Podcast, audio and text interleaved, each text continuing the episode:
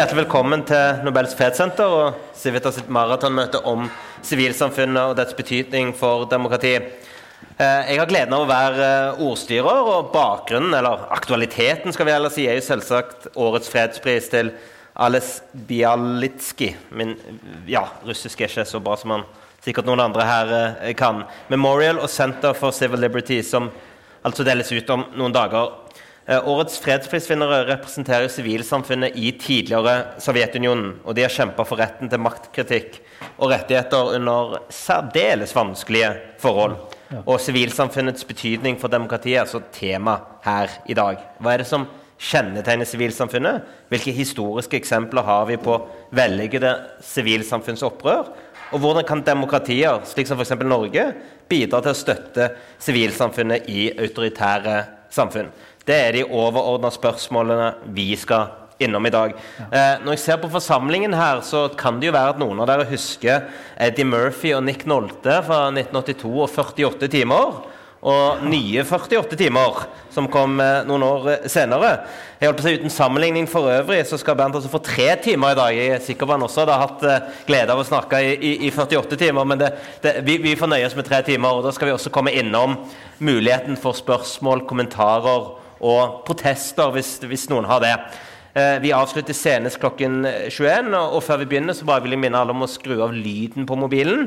Eh, og så er det mulighet til å dele tanker på sosiale medier hvis dere ønsker det. Eh, Bernt, velkommen tilbake. Du er jo sivilsamfunnets mann. Mange år i akademia. Vet ikke om du har tallet på antall deltakelser på slike møter som det her du har hatt. Du må vel ha passert 1000? Gjennom et uh, langt liv, og, og, nå er du styreleder for Menneskerettighetshuset. Det er jo aktuelt i disse dager. Kan du fortelle litt om de? Ja, Maria Dale er her. Hun er sjefen for Menneskerettighetshuset. Det var en idé av Knut Utstein Kloster jr., en opplyst næringslivsmann som eh, var opptatt av å skaffe hus for menneskerettighetsaktivister. Hvor de kunne komme sammen, lære av hverandre, slippe telefon- og postutgifter. Altså være et sentrum for menneskerettighetsaktivisme. Jeg har vært med faktisk i 30 år. Maria har vel vært direktøren, altså tilsvarende. Vi har hus i Maria, kan du si hvilke land vi har hus i?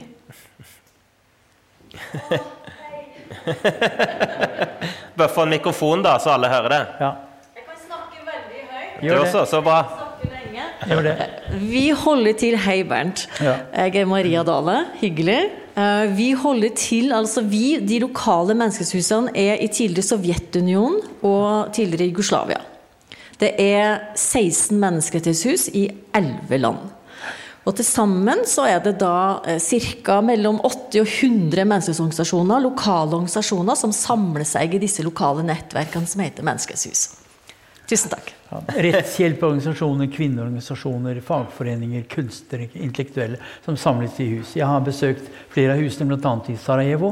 Et hus er i eksil i eh, Litauen. Huset i Belarus kan ikke. I noen land er det for farlig å etablere menneskerettighetshus. Det er uklart om vi bør gjøre det i Tyrkia f.eks., for, eksempel, for de kan veldig lett bli eh, mål. Jeg selv foreslått at vi må få et menneskerettighetshus i Israel, som har store menneskerettighetsproblemer. Og jeg har også foreslått Detroit og andre steder i USA hvor de har problemer sosiale og økonomiske rettigheter. Og, så vi, vi, prøver å være et ikke nøytralt, men et aktivitetssentrum for mennesker som ønsker å forsvare menneskerettslige og demokratiske verdier i ulike regimetyper. Eh, vi er vel også i Warszawa, Bergen naturligvis. Der er det ekstra store menneskerettighetsproblemer. I Bergen. Men eh, Rafto-huset har jo en like lang historie som oss. Eh, og vi har god kontakt med tilsvarende miljøer i Storbritannia, London. Vi forsøker Paris, men vi prøver hele tiden å få til UD støtter oss med ganske betydelige midler. Og Maria har i alle år hatt et godt forhold til UD, så finansiering kom fra den norske stat og ulike utenriksdepartementer, bl.a. i Liechtenstein og i Storbritannia. Så det er min bakgrunn i, akkurat på dette feltet her, menneskerettighetsaktivisme. Hvorfor ble du interessert i det, eller hva var det som drev deg mot denne aktivismen? Nei, altså jeg har jo, Helt siden jeg skrev om Hitlers vei til makten i sjette klasse på Nymoen skole på Kongsberg, har jeg vært opptatt av, eh, av politiske spørsmål. Mor var meget bekymret for at sønnen var opptatt av å skrive bok etter bok om Hitler. Dette har jeg fortsatt med grunn hele livet. Altså, hva kan jeg si? Mine, mine foreldre var Far var lege, mor var skuespillerinne. Og det var et åpent, intellektuelt og kunstnerisk hjem. Jeg skjønner hvor ufattelig heldig jeg har vært i oppveksten på Kongsberg. Jeg hadde fremragende lektorer. Den gang hadde man jo lektorer. Jeg hadde syv års utdanning. Tre fag. Nå er jeg jo bare en blek skygge. Sett meg ikke i gang på universitetet. Det er veldig uheldig. Altså et helt annet nivå. altså. Og nei, vi, vi, leste aviser. Det var helt naturlig å være interessert i dette. Og jeg ble spurt av Knut Ustein Kloster om å sitte i styret. Det har vært en, en glede. Og så var jeg elleve år som forskningsleder ved Christian Michelsens institutt. Hvor det var det første vitenskapelige studiefeltet på menneskerettigheter i Norge. Før det ble en industri. Og CMI bør gis komplimenter for at de så tidlig betydningen av dette. Og vi, vi, vi samlet inn penger. Vi hadde Bl.a. forskningsoppgaver om eh, bruk av menneskerettighetstenkning i bistandsarbeidet. Eh, sosialøkonomiske rettigheter. Og et bredt orientert Og en av de første tingene vi gjorde, var å invitere Dalai Lama og Sakara. Mm. Han kom til å se CMI. Det var storartet. Mm. Så den, bakgrunnen er dels personlig, dels rent faglig. Og jeg har vært så ufattelig heldig at jeg kunne, hele mitt liv har jeg fått gjøre akkurat det jeg ville. Mm. Ja. Det er ufattelig. Det er klart om må, det må være en gud. Helt enestående, privilegert liv. Så jeg er fylt av takknemlighet. Derfor sitter jeg her hos deg. Ja, men Det er hyggelig at du også deler litt til, tilbake av, av, all erfaring. Og du har jo mange år i akademia som sikkert kunne hatt både 33 timers utlending utledning om det. Men akkurat her tenker jeg mest på det, det, det faglige delen. Hvis man statsvitenskapelig skal se på rollen til sivilsamfunnet Eh, og, og, hvor viktig det er i et samfunn for demokratiet. Hva, hva vil du si da, Bernt? Uten et sterkt sivilsamfunn har du intet demokrati. Studerer du demokratiet, opphav, begrunnelser og ulike former, så inngår det sivile samfunn en helt avgjørende betydning. For å finne en vei inn i denne problemet så vil jeg si at det kunne være klokt å minne om Alexis de Tocqueville, den franske greven, som i 1830-årene dro til USA for å undersøke fengselsforhold i De forente stater. Der ble han fascinert over USA, over amerikanere. Og det han særlig bet seg merke i, i det han kalte 'le pouvoir intermédiaire', de mellomliggende ledd, det var at amerikanere hadde en, en uendelig hang til å organisere. Kirker, andre religiøse organisasjoner, fagforeninger, kunstneriske organisasjoner, alle mulige selvhjelporganisasjoner. Og til og med i de små nordenglandske byene var det um, torgmøter og selvhjelp og hjalp hverandre. Det var en veldig tendens til å organisere seg. Og det er et av hovedpunktene hos Tocqueville når han beskriver demokratiet i Amerika. De to store klassiske bøkene som kom i 1830-35, så sier han hva kommer det av at amerikanerne er så opptatt av å organisere seg? Civil society pouvoir intermedia? Jo, det er selvfølgelig fordi staten er trukket tilbake. De må klare seg selv. Det er det ene. Og det andre frykten for majoritetstyranni. Tocqueville var veldig opptatt av uh, the tyranny of the majority i et demokrati. Hvordan skulle man sikre minoritetenes rettigheter når flertallet bestemmer? Hele hans studie av USA er konsentrert omkring dette spørsmålet. Kan vi bevare friheten i et demokrati der flertallet styrer? Han er en stor beundrer av den amerikanske forfatning, som nettopp har disse kautelene som Jens Arupsev snakket om. Hvordan minoritetsrespekt er bygget inn i, i forfatningen. Maktdeling. Eh, det er bare USA som har en selvstendig folkevalgt president en aktiv høyesterett og to forskjellige kamre. Det er ingen andre mm, systemer i verden som har det. Men tanken hos James Madison, som er en fremragende politisk tenker, det er at der det er makt, må det være motmakt. Hvis menneskene var engler, så behøvde du ikke eh, forfatninger. Men menneskene er ikke engler. Du må hele tiden være skeptisk, kritisk til menneskene og bygge motmakt, barriere og fendre. Så, så Tocqueville er opptatt av at denne amerikanske forfatning nettopp er et sånt trinnverk, nemlig stor, gigantisk klokke. Baksiden, kjære venner, er jo at mange hevder at USA er en, en frozen republic. Du får ikke gjort noe. Og du kan bli totalt fastfrosset, som jo tilstanden er nå. Men for Tocqueville så var vekten på, eller analysen av det mellomliggende nettverk, Civil Society, Det var fordi der det, det, dette nettverket ville gjøre det vanskeligere for staten å undertrykke. Og det ville gjøre det mye vanskeligere for majoriteten å undertrykke. For det vil alltid være foreninger av alle mulige slag der ute som var motmakt mot the tyranny of the majority. Det er en veldig dyp innsikt. Der du ikke har mellomliggende nettverk, har du heller ikke demokrati. Og, hva tenkte de Tocqueville om forskjellen mellom Europa og hans hjemland Frankrike og USA på 1840-tallet? Han mente ja. vel at USA var mye lenger fremme? Han mente at det sivile nettverket i USA kunne erstatte den europeiske adelens rolle. I Europa har man adelen, og han mente at det mellomliggende nettverk kunne erstatte adelen uten adelens skyggesider. Han var selv adelig, men han skjønte jo at adelen hadde mange skyggesider. Forårsaket bl.a. den franske revolusjon. Og han var opptatt av hvordan, hvordan eh, det mellomliggende nettverket i USA var så, så, å si den vanlige mann, og primært mann, da, den vanlige manns motstandsrede mot vilkårlighet. Det er hans grunntanke. Og man kan jo sammenligne nettverket Eh, dette nettverket i USA sammenligne med det manglende nettverk i totalitære, autoritære stater. Det første totalitære ledere gjør, det er jo å drepe det sivile samfunn. Bare uker etter at makten blir gitt Adolf Hitler, dette skal jeg komme tilbake til, så gjennomfører han Gleichschaltung, nemlig han eliminerer alle mellomliggende organisasjoner, politiske, kulturelle, faglige, nettopp for å få total kontroll. Og i totalitære regimer møter statsmakten det enkelte individ rett på. Mens derimot i demokratier er det mellomliggende nettverk et slags fendere mellom staten og det enkelte mennesket. Men vi skal komme tilbake til de totalitære autoritære regimene. Men, men det, dette er Tocquevilles uh, definisjon av det mellomliggende nettverk. Og vi i Menneskerettighetshuset er nettopp interessert i å støtte dette. Det norske utenriksdepartementet har støttet oss og vil støtte oss. Men det er vel riktig å si at vi syns at den nåværende utenriksminister kunne være enda flinkere til å fremheve de sivile rettigheter, og ikke minst fremheve menneskerettighetsaktivisten. Nå er det selvfølgelig Nå støtter naturligvis statsråden menneskerettighetsarbeid. Mm. Men men det er noe med vekten i den norske offisielle utenrikspolitikken. Mm. Klager litt på det. Det er, det er noe gledelig med å ha, har, tre timer her, at vi kan gå ja. mye frem og tilbake. Ja, ja, og jeg tenker sånn, Det Tocqueville sitt spørsmål om hvorfor demokratiet i USA fungerer så mye bedre enn Europa, kan jo snus på, snus på hodet nå.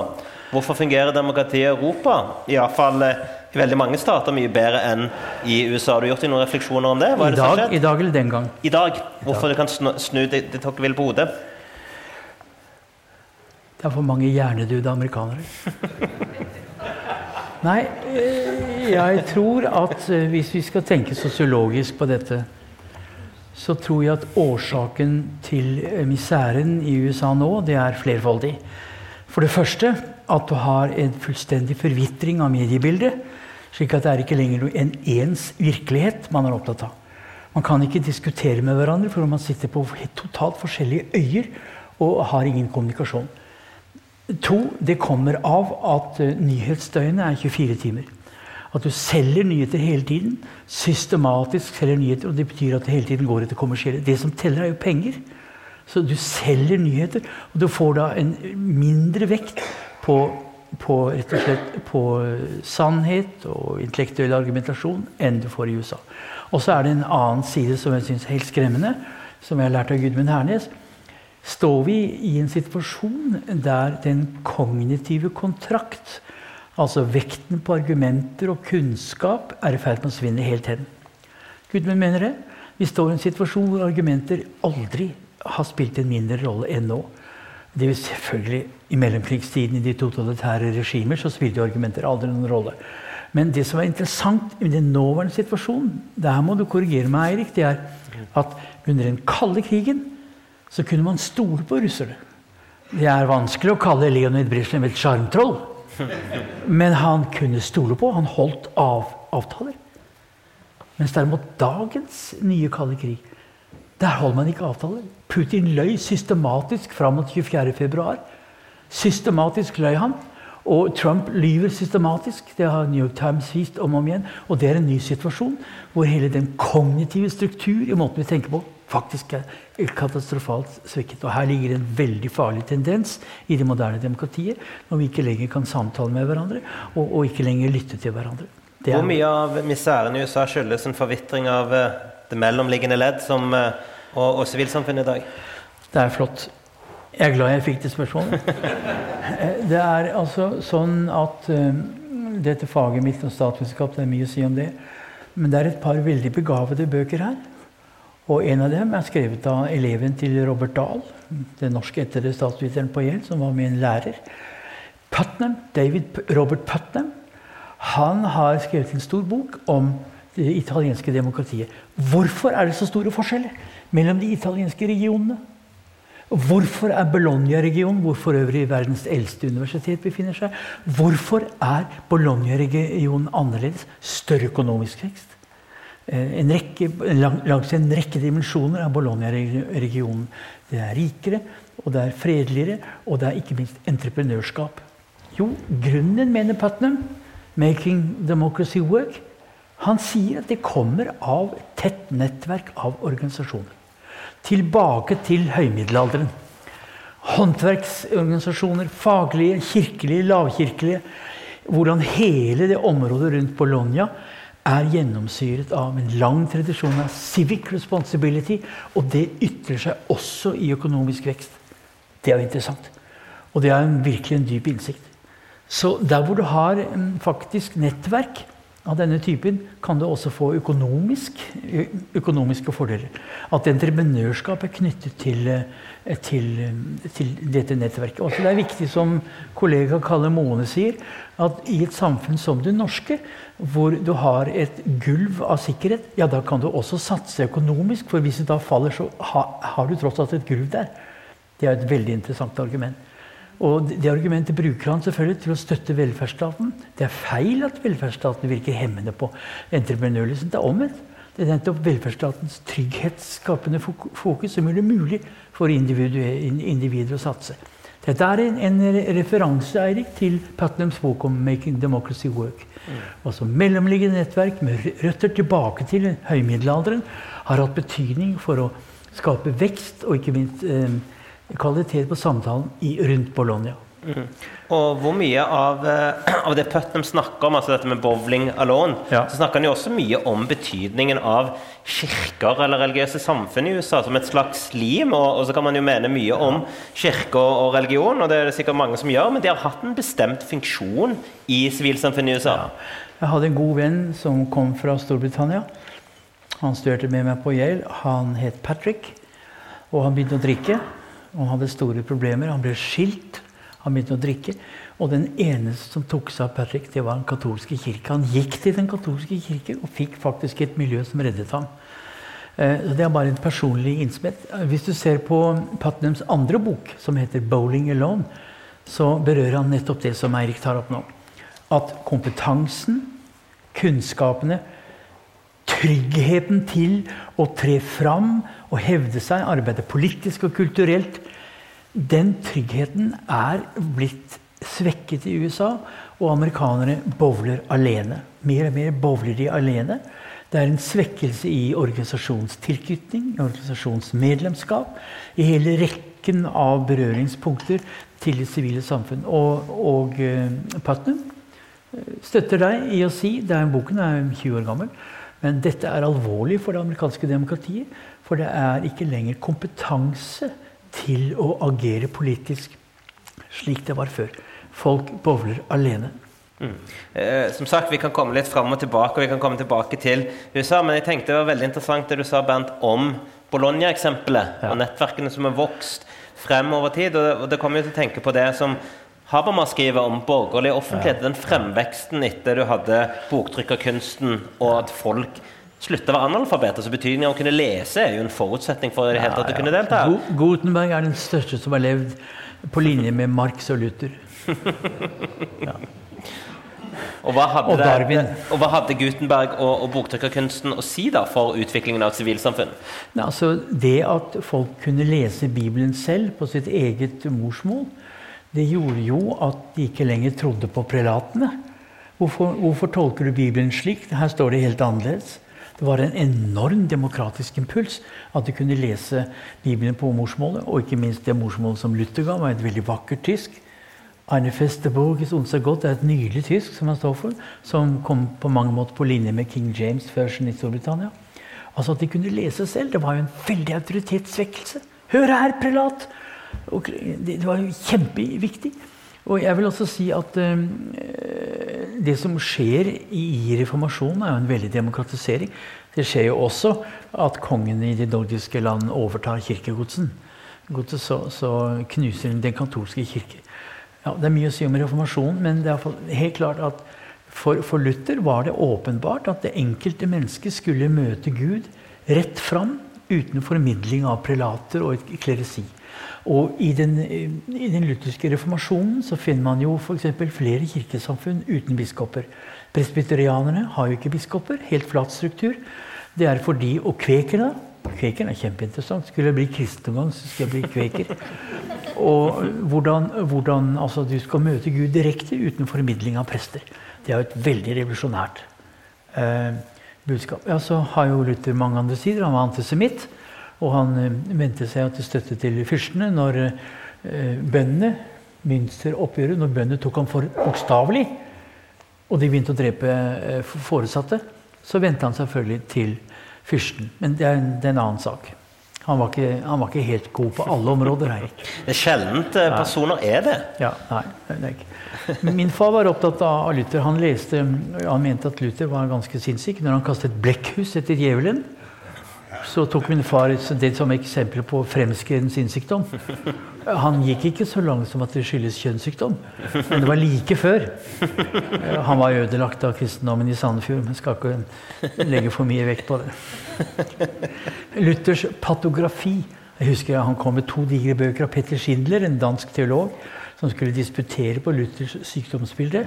Han ble avvist hos prestene. Og han ble avvist hos medisinen. Da fikk han en slags tilflukt hos filologene og fikk doktorgraden der. Men det er jo en lang debatt hvem Luther var. Var Erik Eriksson, da, Young Man Luther, hvordan han beskriver Luthers vei til disse innsiktene ved hjelp av en analyse av hans oppvekstforhold. Han er en fantastisk fyr, altså. Han er jo det. Reis til eh, Dresden og se på Hofkirche, som er restaurert stein for stein av private midler. Det er den vakreste kirke i verden etter Kongsberg kirke. Hvor det er en elegant, eh, nærmest nydelig barokkirke. Jeg var der i 67 og så holder ruinene. Der står en stor Luther-statue foran. Og den var jo totalt ødelagt etter angrep angrepet i februar 45. En av de største krigsforbrytelsene som de vestallierte drev med. Det må man kunne si. Luther vi, vi kan, det er spennende. Vi sirkler oss omkring, kjære Eirik. Vi, vi, det. Jeg tenker alltid, Det er alltid litt farlig å ta fram Hegel, som jo har skrevet så mye og ment så mye. Jeg trodde vi skulle ha det hyggeligere. Ja, ja, ikke sant? Så jeg, jeg, tenkte at Det er én ting som jeg husker fra forelesninger om, om, om, om, Hegel. Det er hans bruk av sivilsamfunnet som fraskilt fra det strengt politiske. Fordi at det, det, det, Dette som non-governmental organization vel egentlig stemmer fra. Og det er jo ekstremt sentralt, det hvordan sivilsamfunnet ble noe som er frakobla det politiske. Ja. For Hegel kan det ha vært men veldig tidlig ble sivilsamfunnet koblet til det politiske, med en viss selvstendighet, en viss autonomi, naturligvis. Mm. Men det er klart, det sivilsamfunnet var jo, i hvert fall i Norge, helt åpenbart knyttet til politikken. Bare tenk på norsk historie. Altså, Hvor det begynner med bondebevegelsen. Vi har arbeiderbevegelsen, vi har Trane. Vi har eh, bondebevegelsen, arbeiderbevegelsen, eh, kvinnesaksbevegelsen, avholdsbevegelsen og nå miljøbevegelsen. Norsk politikk er jo ikke til å forstå uten en dyp erkjennelse av sivilsamfunnet. La meg heller få reformulere det. Ikke fra det politiske, men fra staten. Eller ja. fra staten som sådan. Ja. Altså, det er noe som uh, Atskilt fra staten, ja. Helt klart. Og Obama hadde jo et, et, et, godt sitat som jeg husker når han sa sånn at uh, We believe in the separation between state and church, but not between politics and faith. Og Det tror jeg er en, en veldig ja. sentral ting for å forstå rollen til religion i sivilsamfunnet. Det er jo en vedvarende trekk ved amerikansk politikk, diskusjonen av hvor sekulær staten skal være. En av mine lærere eh, på gjeld, Isak Kramnik, som kan gå, han skrev en stor bok om The Godless Constitution, hvor han argumenterte klart for at den amerikanske forfatning den er gudløs. Eh, Jefferson var tilhenger av sterk separasjon mellom stat og, og religion. Mens høyresiden i dagens USA er jo uenig i det og forsøker å bygge det ned. Med dagens høyrevridde høyesterett så kommer vi til å få en systematisk nedbygging av eh, individuelle rettighetsforsvar. Mm. Og det, er jo ganske interessant at en gjeng med hvite menn, og nå en kvinne, eh, fortolker et 1700-tallsdokument for å gi støtte til sine egne oppfatninger. Mm. Jeg syns det er bra at den norske grunnloven har et veldig svakt, svakt trekk ved retten til å undersøke grunnlovslover. Vi har tendenser til det, dette kan Trond mye mer om. Men i USA er det en mye, mye mer militant tendens i Høyesterett til å, å, vurdere grunnlovsmessigheten av lover.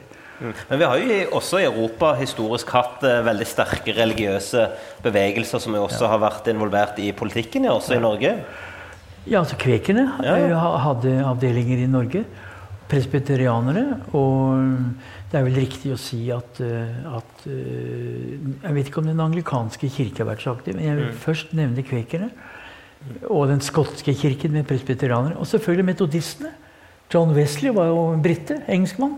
De har hatt en stor betydning i Norge, metodistene.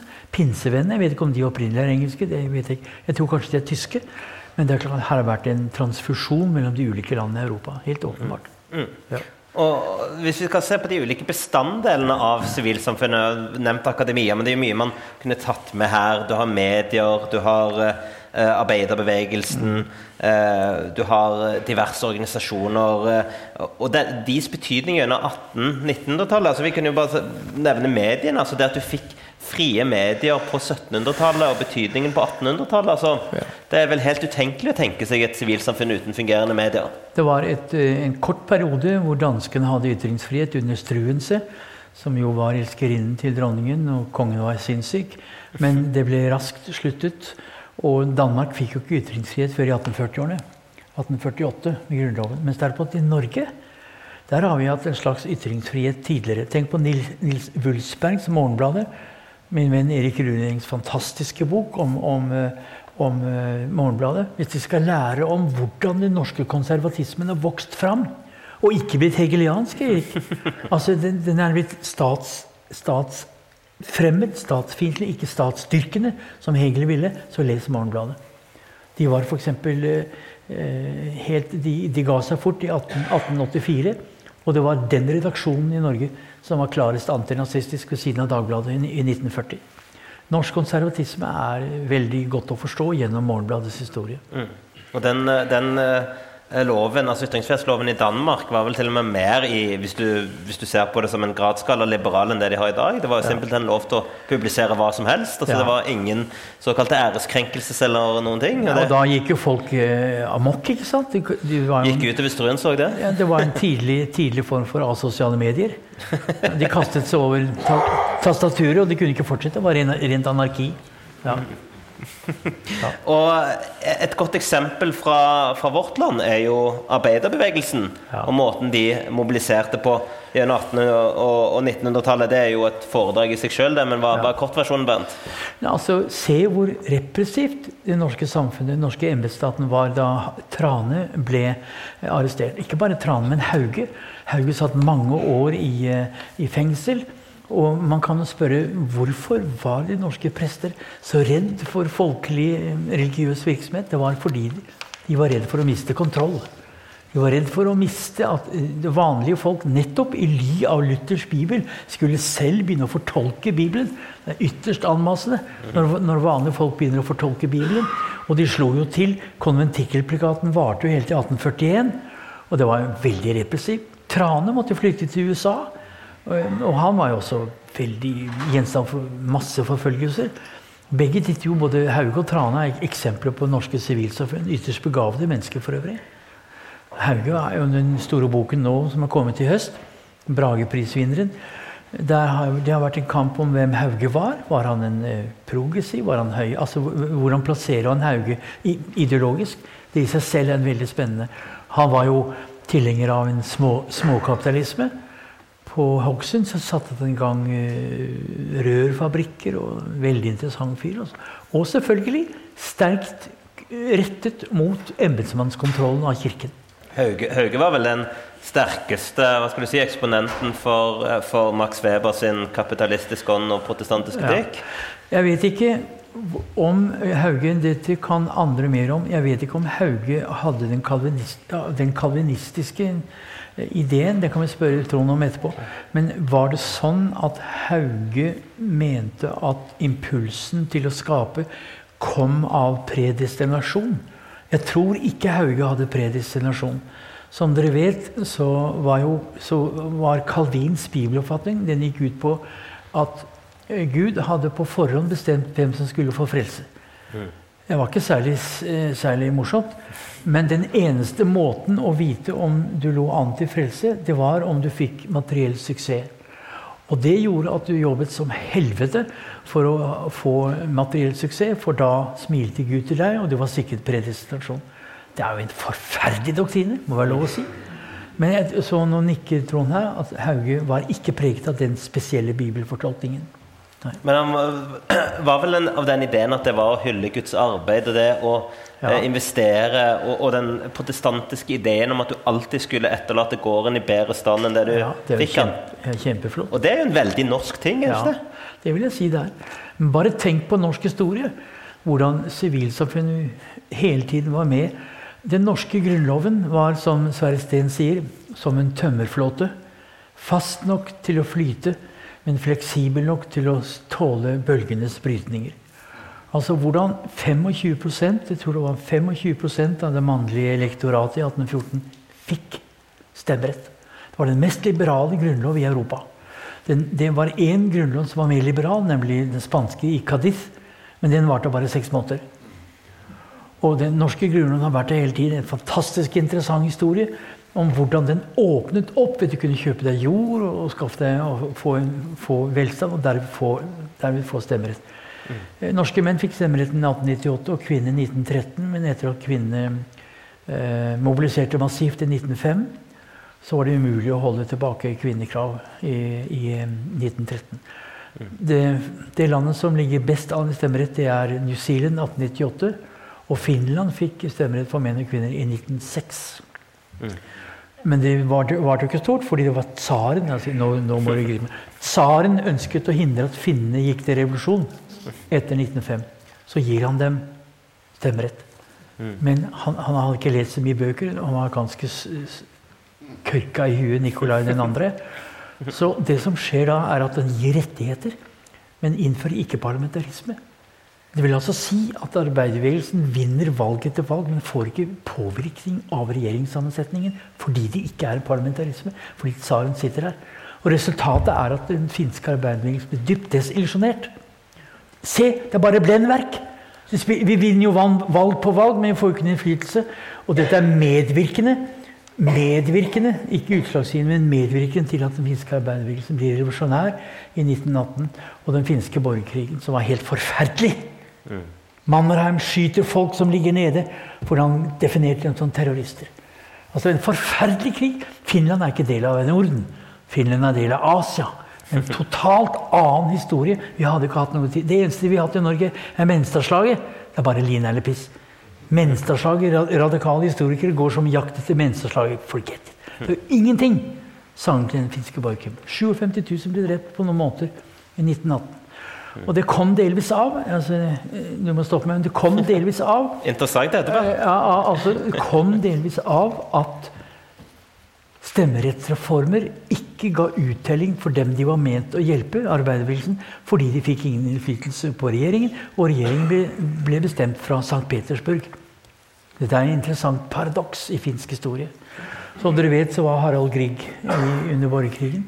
Han tok jo bilder av, av uh, hvite soldater som skyter sårede røde. Nå var ikke røde særlig bedre. Mm. Men det er altså borgerkriger. Forferdelig. Det, det, slår meg, eh, Bernt, eh, med dine refleksjoner og, og, og her om, om, om, arbeiderbevegelsen, hvor, hvor, hvor, avgjørende måten arbeiderbevegelsen utvikla seg på, spilte for demokratiet. Du hadde jo revolusjonære tendenser også i Norge og, og, og eh, Norden, med denne kampen mellom si, Marx og Bernstein, ja. og, hvilken, om, om, arbeiderbevegelsen skulle akseptere parlamentarisk ja demokrati eller ikke. Det var ekstremt viktig for, for, for demokratiets utvikling. Jeg vil si Den største tenkeren innenfor sosialismen i de 20 årene det er Edvard Bernstein. som i 1899 sier i boka 'Voraussetzung des Sosialismus'. Han sier hør her, Marx tar jo feil. Det blir jo ikke verre. Eh, kapitalismen er, i stand til å gi arbeiderklassen ganske mye. Vi må vinne valg gjennom valgurnen. Og det gjør at han fører det tyske SPD-partiet inn på en parlamentarisk linje. Så kommer Lenin. Lenin er en av de verste. Det er stor diskusjon om han var verre eller bedre enn Stalin. Men Lenin var helt klar fra første stund. Her må man ikke gi sosialdemokratiet noe makt. Ved Zinwald-konferansen 1916 så splittes arbeiderbevegelsen i en, i en uh, sosialdemokratisk og en marxistisk fløy. Og det er en tragedie uten like. Den største tragedien i de 20 årene etter holocaust den russiske revolusjonen, som førte til Stalin. Og ufattelig eh, undertrykkelse og massemord. Så kan man forstå at mange i Norge var eh, fascinert av oktoberrevolusjonen. Oktoberrevolusjonen kommer etter jobbetid og første verdenskrig. Man må tenke his unnskyld, historisk. Men det, det, avgjørende her det er at Jeg skal komme, tilbake til hovedsaken. Det, det, avgjørende her er at uh, det faktum at arbeiderbevegelsen ble sosialdemokratisk, gjorde at arbeiderbevegelsen kunne kombinere både politisk arbeid og parlamentarisme med kritikk av kapitalismen. Da kan vi diskutere hvordan Arbeiderpartiet har gått nå, men det var en uhyre viktig åpning. Og det vil si at Arbeiderbevegelsen ble helt klart en viktig bestanddel i det norske demokratiet. Og det som er veldig ofte undervurdert, det er hvordan den norske stat etter første verdenskrig ga etter. Da var det kamp om åttetimersdagen.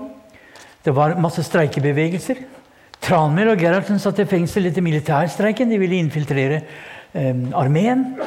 Og Gunnar Knutsen og de borgerlige sier ok, vi gir åttetimersdag, og vi endrer valgordningen.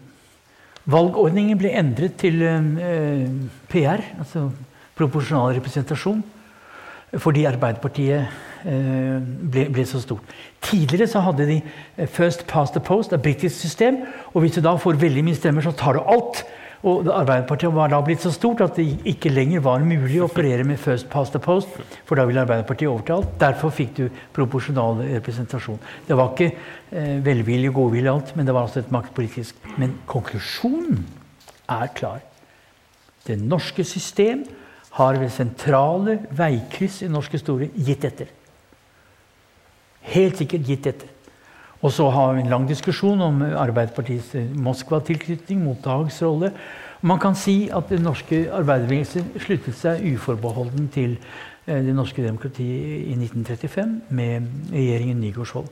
Så sent som i 1930 fikk vi en slags sånn skjelving av revolusjonært temperament. Delvis skyldes Edvard Bull den eldre, hvor altså eh, arbeiderbevegelsen opererte med ideen om å overta makten på tross av folkeflertallet i 1930. Og ble da, eh, da, ble de borgerlige partiene så redd, og kvinnene stemte massivt mot. Kvinnene ble skremt inn til å stemme eh, på, på høyresiden. Kvinner er stort sett, stemmer, stemmer stort sett konservative inntil vår tid, hvor de blir feminister. Men Arbeiderpartiet ble da i 1935 klart helt åpenbart del av det norske demokratiet. Og husk en, en ting som jeg syns stadig undervurderes i dette land. Vi har hatt et sivilisert Høyre. Jeg er ikke blitt betalt for dette av Civita. Men det norske Høyre er et liberalkonservativt Høyre. Aldri leflet med fascismen, med unntak av én person i Bergen. Eh, Bergen er spesielt for seg selv. Men den som holdt linjen klar overfor nazismen i Norge, det var C.J. Hambro. Bergenser. Bergenser, Helt riktig. Og, Norske Høyre er et sivilisert, liberalkonservativt parti som aldri har levd til høyre for seg. Og det er noe som vi bør mene, og det som, de som, de som folk på venstresiden undervurderer. Hvor sivilisert Høyre er.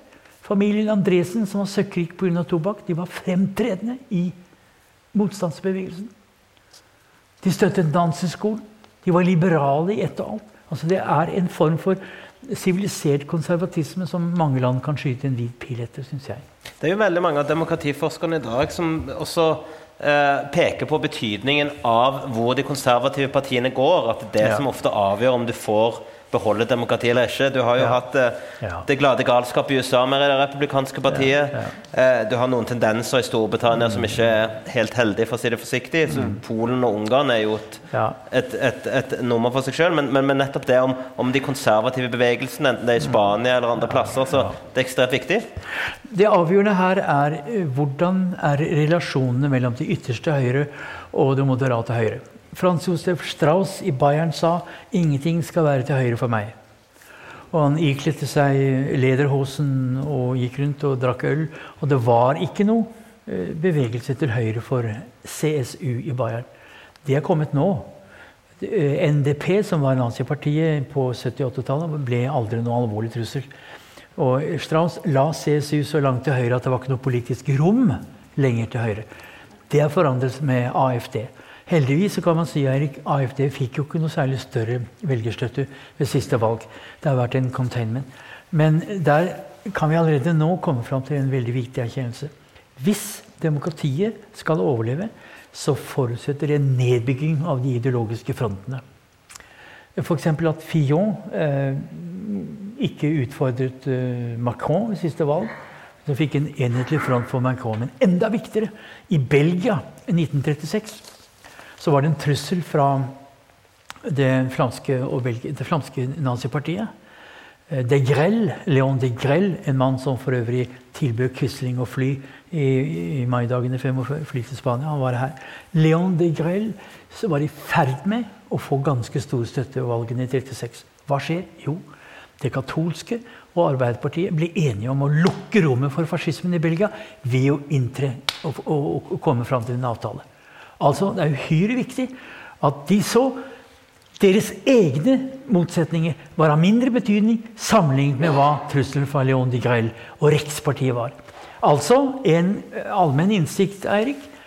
Eh, hvis man står overfor en slik trussel, så er det av avgjørende betydning at de moderate partiene slutter seg sammen og gir opp noen kjepphester, setter dem på stallen mot å forsvare demokratiet. Det er en ganske viktig erkjennelse, vil jeg si. Og Hvordan spilte det inn i den spanske borgerkrigen med det moderate høyre, hvis du hadde noe som ligna på det? Jeg er veldig glad jeg fikk det spørsmålet. Nå kan dere bare gi opp. Nå sitter vi her. Det som er interessant med den spanske borgerkrigen, det er jo at eh, For det første, de ytterliggående partiene, kommunistene og fascistene, var helt minimale.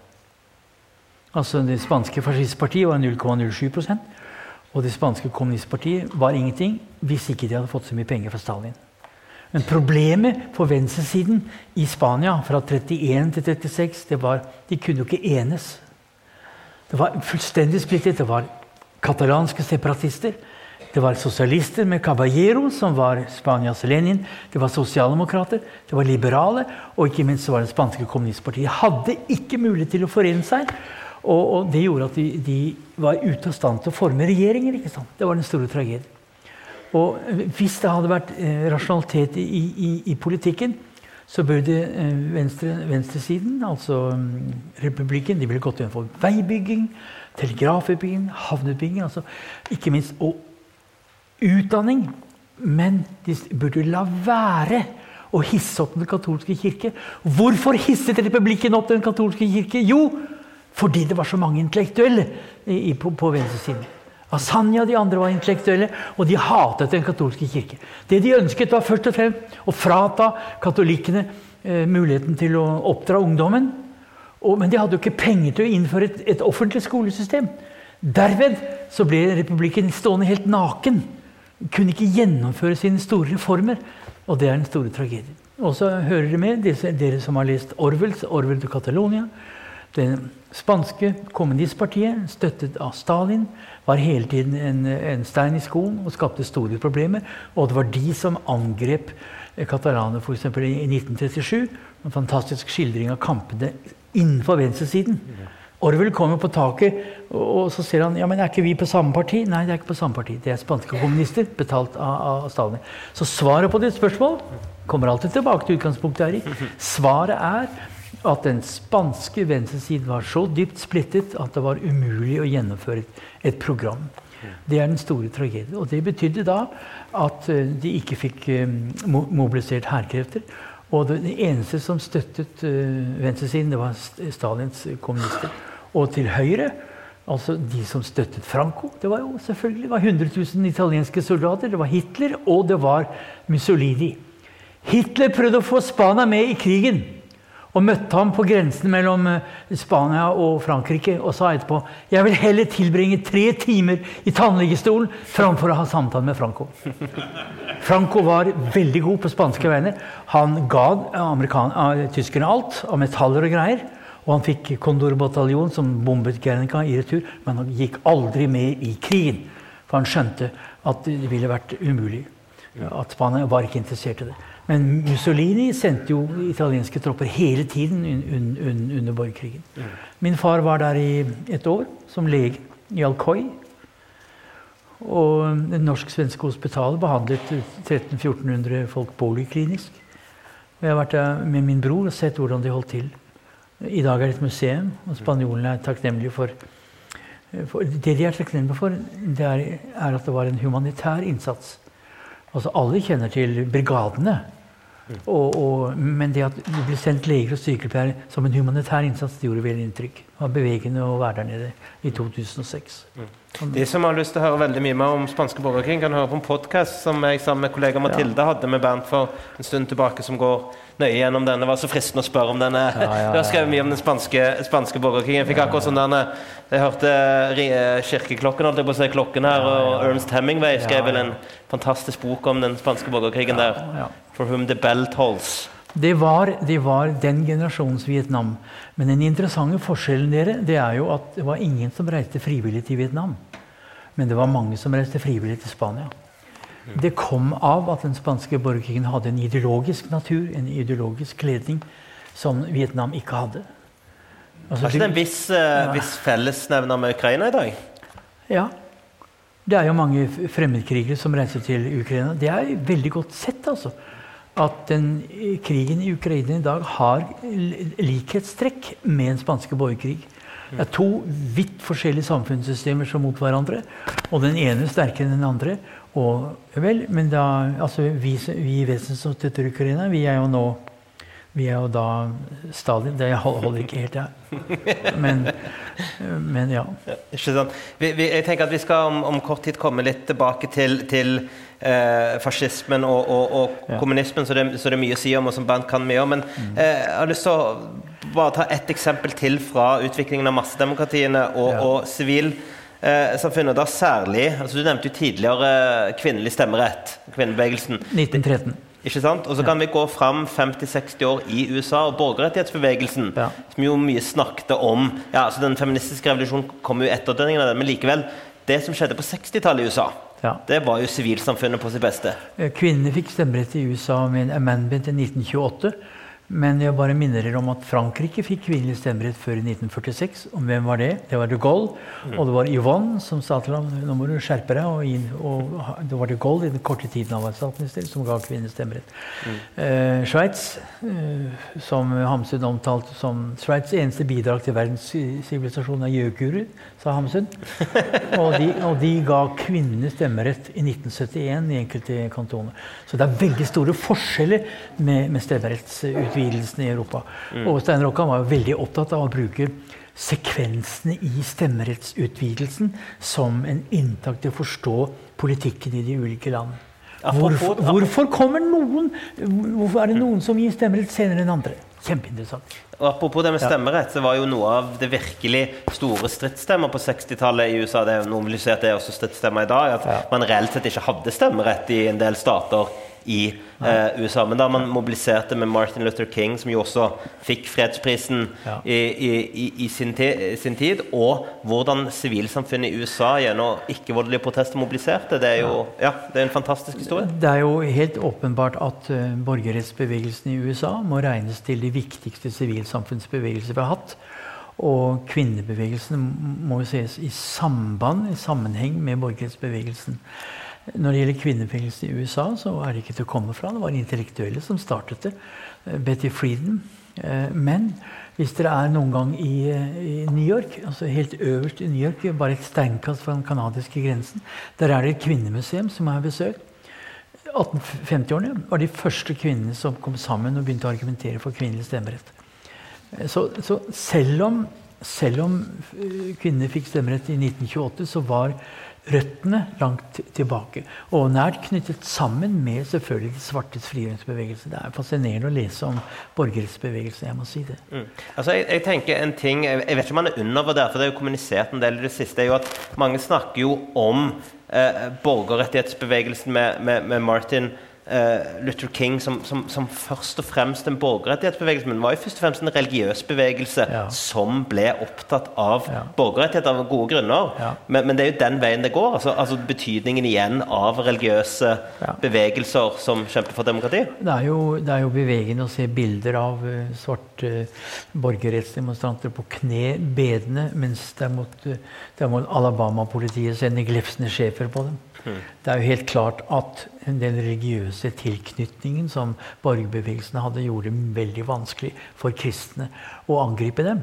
Men de klarte det jo. Altså, det evangeliske kristne i USA, det må du forklare meg hva er. Men, men eh, jeg er helt enig i at å se at, eh, hvordan den lavkirkelige kristendom har betydd i radikaliserende retning i flere land. Derfor er det jo ekstra interessant dere, at at uh, Knut Arild Hareides uh, veivalg for noen år siden gikk altså til høyre. Og de som gikk til høyre, det var uh, lavkirkelige i Norge. De som ville gå til venstre, det var statskirkeprestene. Det var Trond Bakkevik og de liberale prestene. De gikk til venstre, men de tapte. Så man kan si da, Eirik, at dagens lavkirkelige ikke er så radikale som de var for 100 år siden. Det er vel riktig å si. Mm. Bedehusfolka er veldig svekket. Det er nesten ikke noe igjen av motekulturene. Det er en del av forklaringen. Mm. Ja. Og så tenker jeg også at uh, det som den borgerrettighetsbevegelsen viste, var jo effekten av ikke-voldsmotstand. Ja. Og, og, og, det var jo også imponerende, måten man holdt seg til det prinsippet ja. gjennomgående. Altså, du fikk jo type Black Panther og mer militariserte bevegelser etter hvert. Men, og de nådde ikke fram. Se nå, Hvis miljøbevegelsen begynner å lefle med vold det er helt latterlig. Det er stryk til grunn for andre uka. Altså, Det å lefle med vold ødelegger totalt legitimiteten i det de forsøker. Og de har, de har jo ikke lest bøker. Altså Folk som ikke leser bøker, er livsfarlige. De skjønner jo ingenting av historien.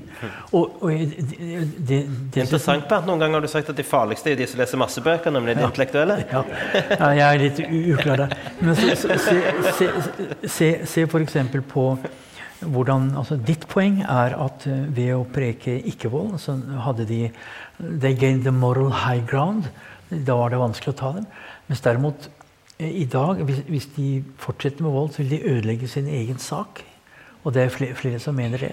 Um, altså Alta-aksjonen var også klart preget av ikke-vold. Og jeg vil si at det, det mest sentrale kjennetegnet ved sivil ulydighet Jeg har skrevet en bok om dette her, det er jo at de sier vi er del av demokratiet og vi, vi, bare vil korrigere en feil i demokratiet. Det gjør vi ved ikke-voldelige midler gjennom å fremtre i offentligheten. Der er ordet sivil. Og få majoriteten til å endre synspunkt. Nå vil miljøbevegelsen si ja, vi har forsøkt. Det nytter ikke. Og min venn Gunnar Anders tar feil når han tror at demokratiet må oppheves. Nå vet jeg ikke om han mener det lenger. At demokratiet må oppheves fordi miljøbevegelsen, miljøkravene kan aldri godkjennes innenfor et demokrati. Det er en livsfarlig tanke. Se på ikke-demokratiske systemer. De er ikke blitt noe bedre. Altså, Sovjetunionen var en økologisk katastrofe. Kina er en økologisk katastrofe. Så det, det å tro at du, at du, ved hjelp av vold og, og avskaffe demokratiet skal nå overordnede politiske målsettinger, det er en livsfarlig tanke. Og Det interessante her Eirik, med slike ensaksbevegelser, det er at de kan lett bli autoritære. Når altså miljøvern, når de mener at miljøkampen står om jordas framtid, så er det en tendens til å nedvurdere andre aspekter ved politikken. Og det kan lett føre til autoritære stemninger. Mm. Eh, og det, det, det, det, sa jeg for mange år siden. Og se nå, nettopp det at miljøbevegelsen lefler med vold, er et eksempel på at det kan bli autoritære. At alle andre deler av politikken blir uviktig, stilt overfor det ene. Normale politiske partier er av avgjørende betydning i demokratier, for de må foreta en avveining. Kvinner, ungdom, eh, eh, kapitalister, ikke kapitalister Hele rekken av politiske krav går inn i et parti, og de må foreta en avveining. Det er en stor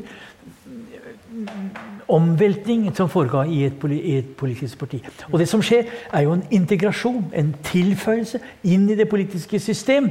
Fordi et politisk parti må foreta avveininger. Derfor er de demokratiske prosessene i et, demokrat, i et vanlig parti så viktige. Derfor er ensakspartier så, så farlige.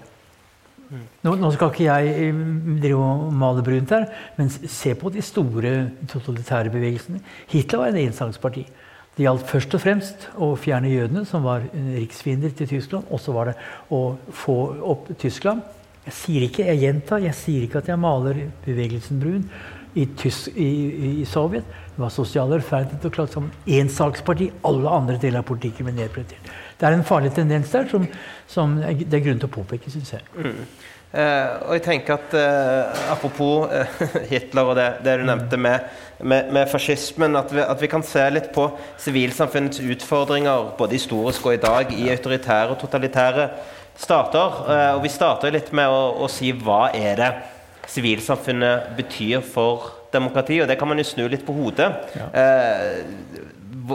Hvordan skal vi beskrive sivilsamfunnet, eller ikke sivilsamfunnet, i autoritære, totalitære stater? Bernt? Hvis, hvis kjernen i sivilsamfunnet er å være en fender mellom stat og individ, med kompetanseoppbygging, med vekt på at det enkelte mennesket kan bedre sin egen situasjon, fremstå med offentligheten med sine synspunkter, enten det er tro, enten det er kultur eller hva som helst, hvis dette er det avgjørende kjennetegn ved sivilsamfunnet, så er selvfølgelig det sivile samfunn en avgjørende fiende til alle totalitære bevegelser. Det første Hitler gjør etter at makten ble gitt ham i 1933, for øvrig 90 år siden og en måned, det er selvfølgelig å tilintetgjøre alle sivilsamfunnsbevegelser.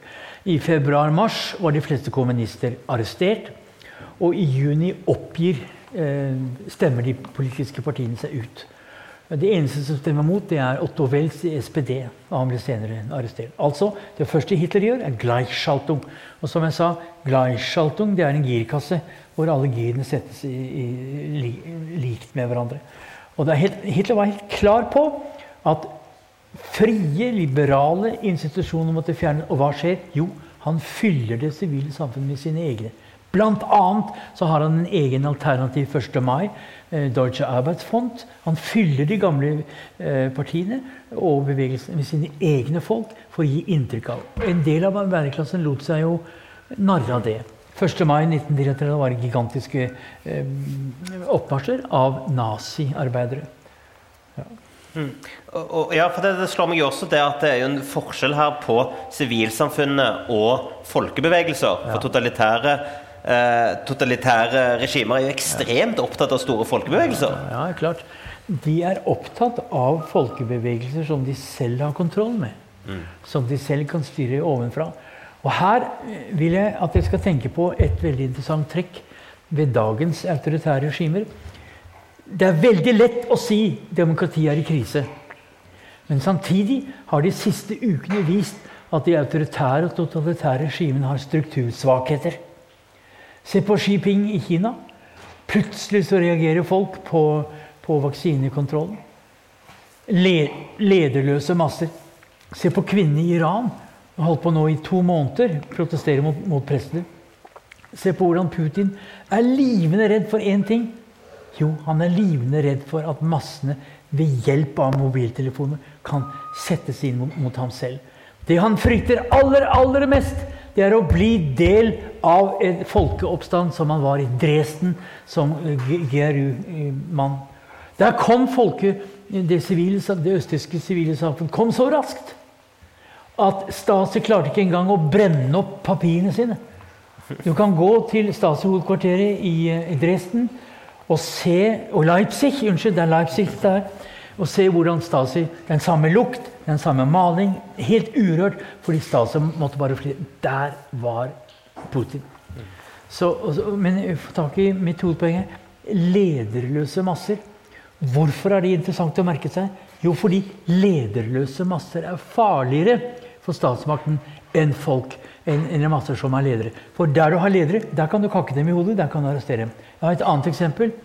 Grunnen til at 68-bevegelsen i Paris nådde så langt fram, var at Georges Pompidou var livende redd for hva som ville skje. Han ga dem mye mer i lønn fordi det var ingen å forhandle med. De var lederløse. men de var, det var ikke noen klare ledere, det var flere. Og se nå på, se nå på eh, Kina, se nå på Iran, og se langt på vei til, Moskva. De lederløse masser er ny, et nytt fenomen. På Tahir-plassen i Egypt da var det lederløse masser. Det er en lang historie i seg selv. Der var det lederløse. Eh, og, og man kan si da, Eirik, at, at uh, erfaringen fra den arabiske våren det er jo at hvis ikke du har et partisystem etterpå, eh, noen som kan overta etter en revolusjon, ja, så er du ille ute. Den eneste som hadde et klart sivilsamfunnsopplegg i Egypt, det var de religiøse. Morsi ble valgt, og da kom hæren. For de skjønte jo hva det innebar. Men hvorfor var Morsi så viktig? Jo, fordi han hadde selvfølgelig eh, Det muslimske brorskap hadde alle år gitt suppekjøkken og hjulpet folk. ikke sant? Og Det gjorde at vanlige egyptere stolte på det religiøse samfunnet. I Tunis fantes det et sivilsamfunn det gjorde at Tunis fikk en overgang til et slags demokrati. Nå er det tunesiske demokratiet borte igjen.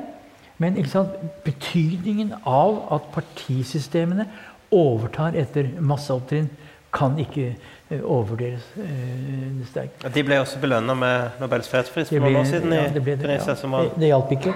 Nei, men det var, det var, jeg vil likevel påstå at det var en velfortjent pris for ja, det man greide å oppnå. Ja, de prøvde jo. Mm. Og grunnen til at det tunisiske demokratiet kom såpass um, langt, det var jo at det var enighet mellom uh, arbeidsgiverorganisasjoner og fagbevegelser.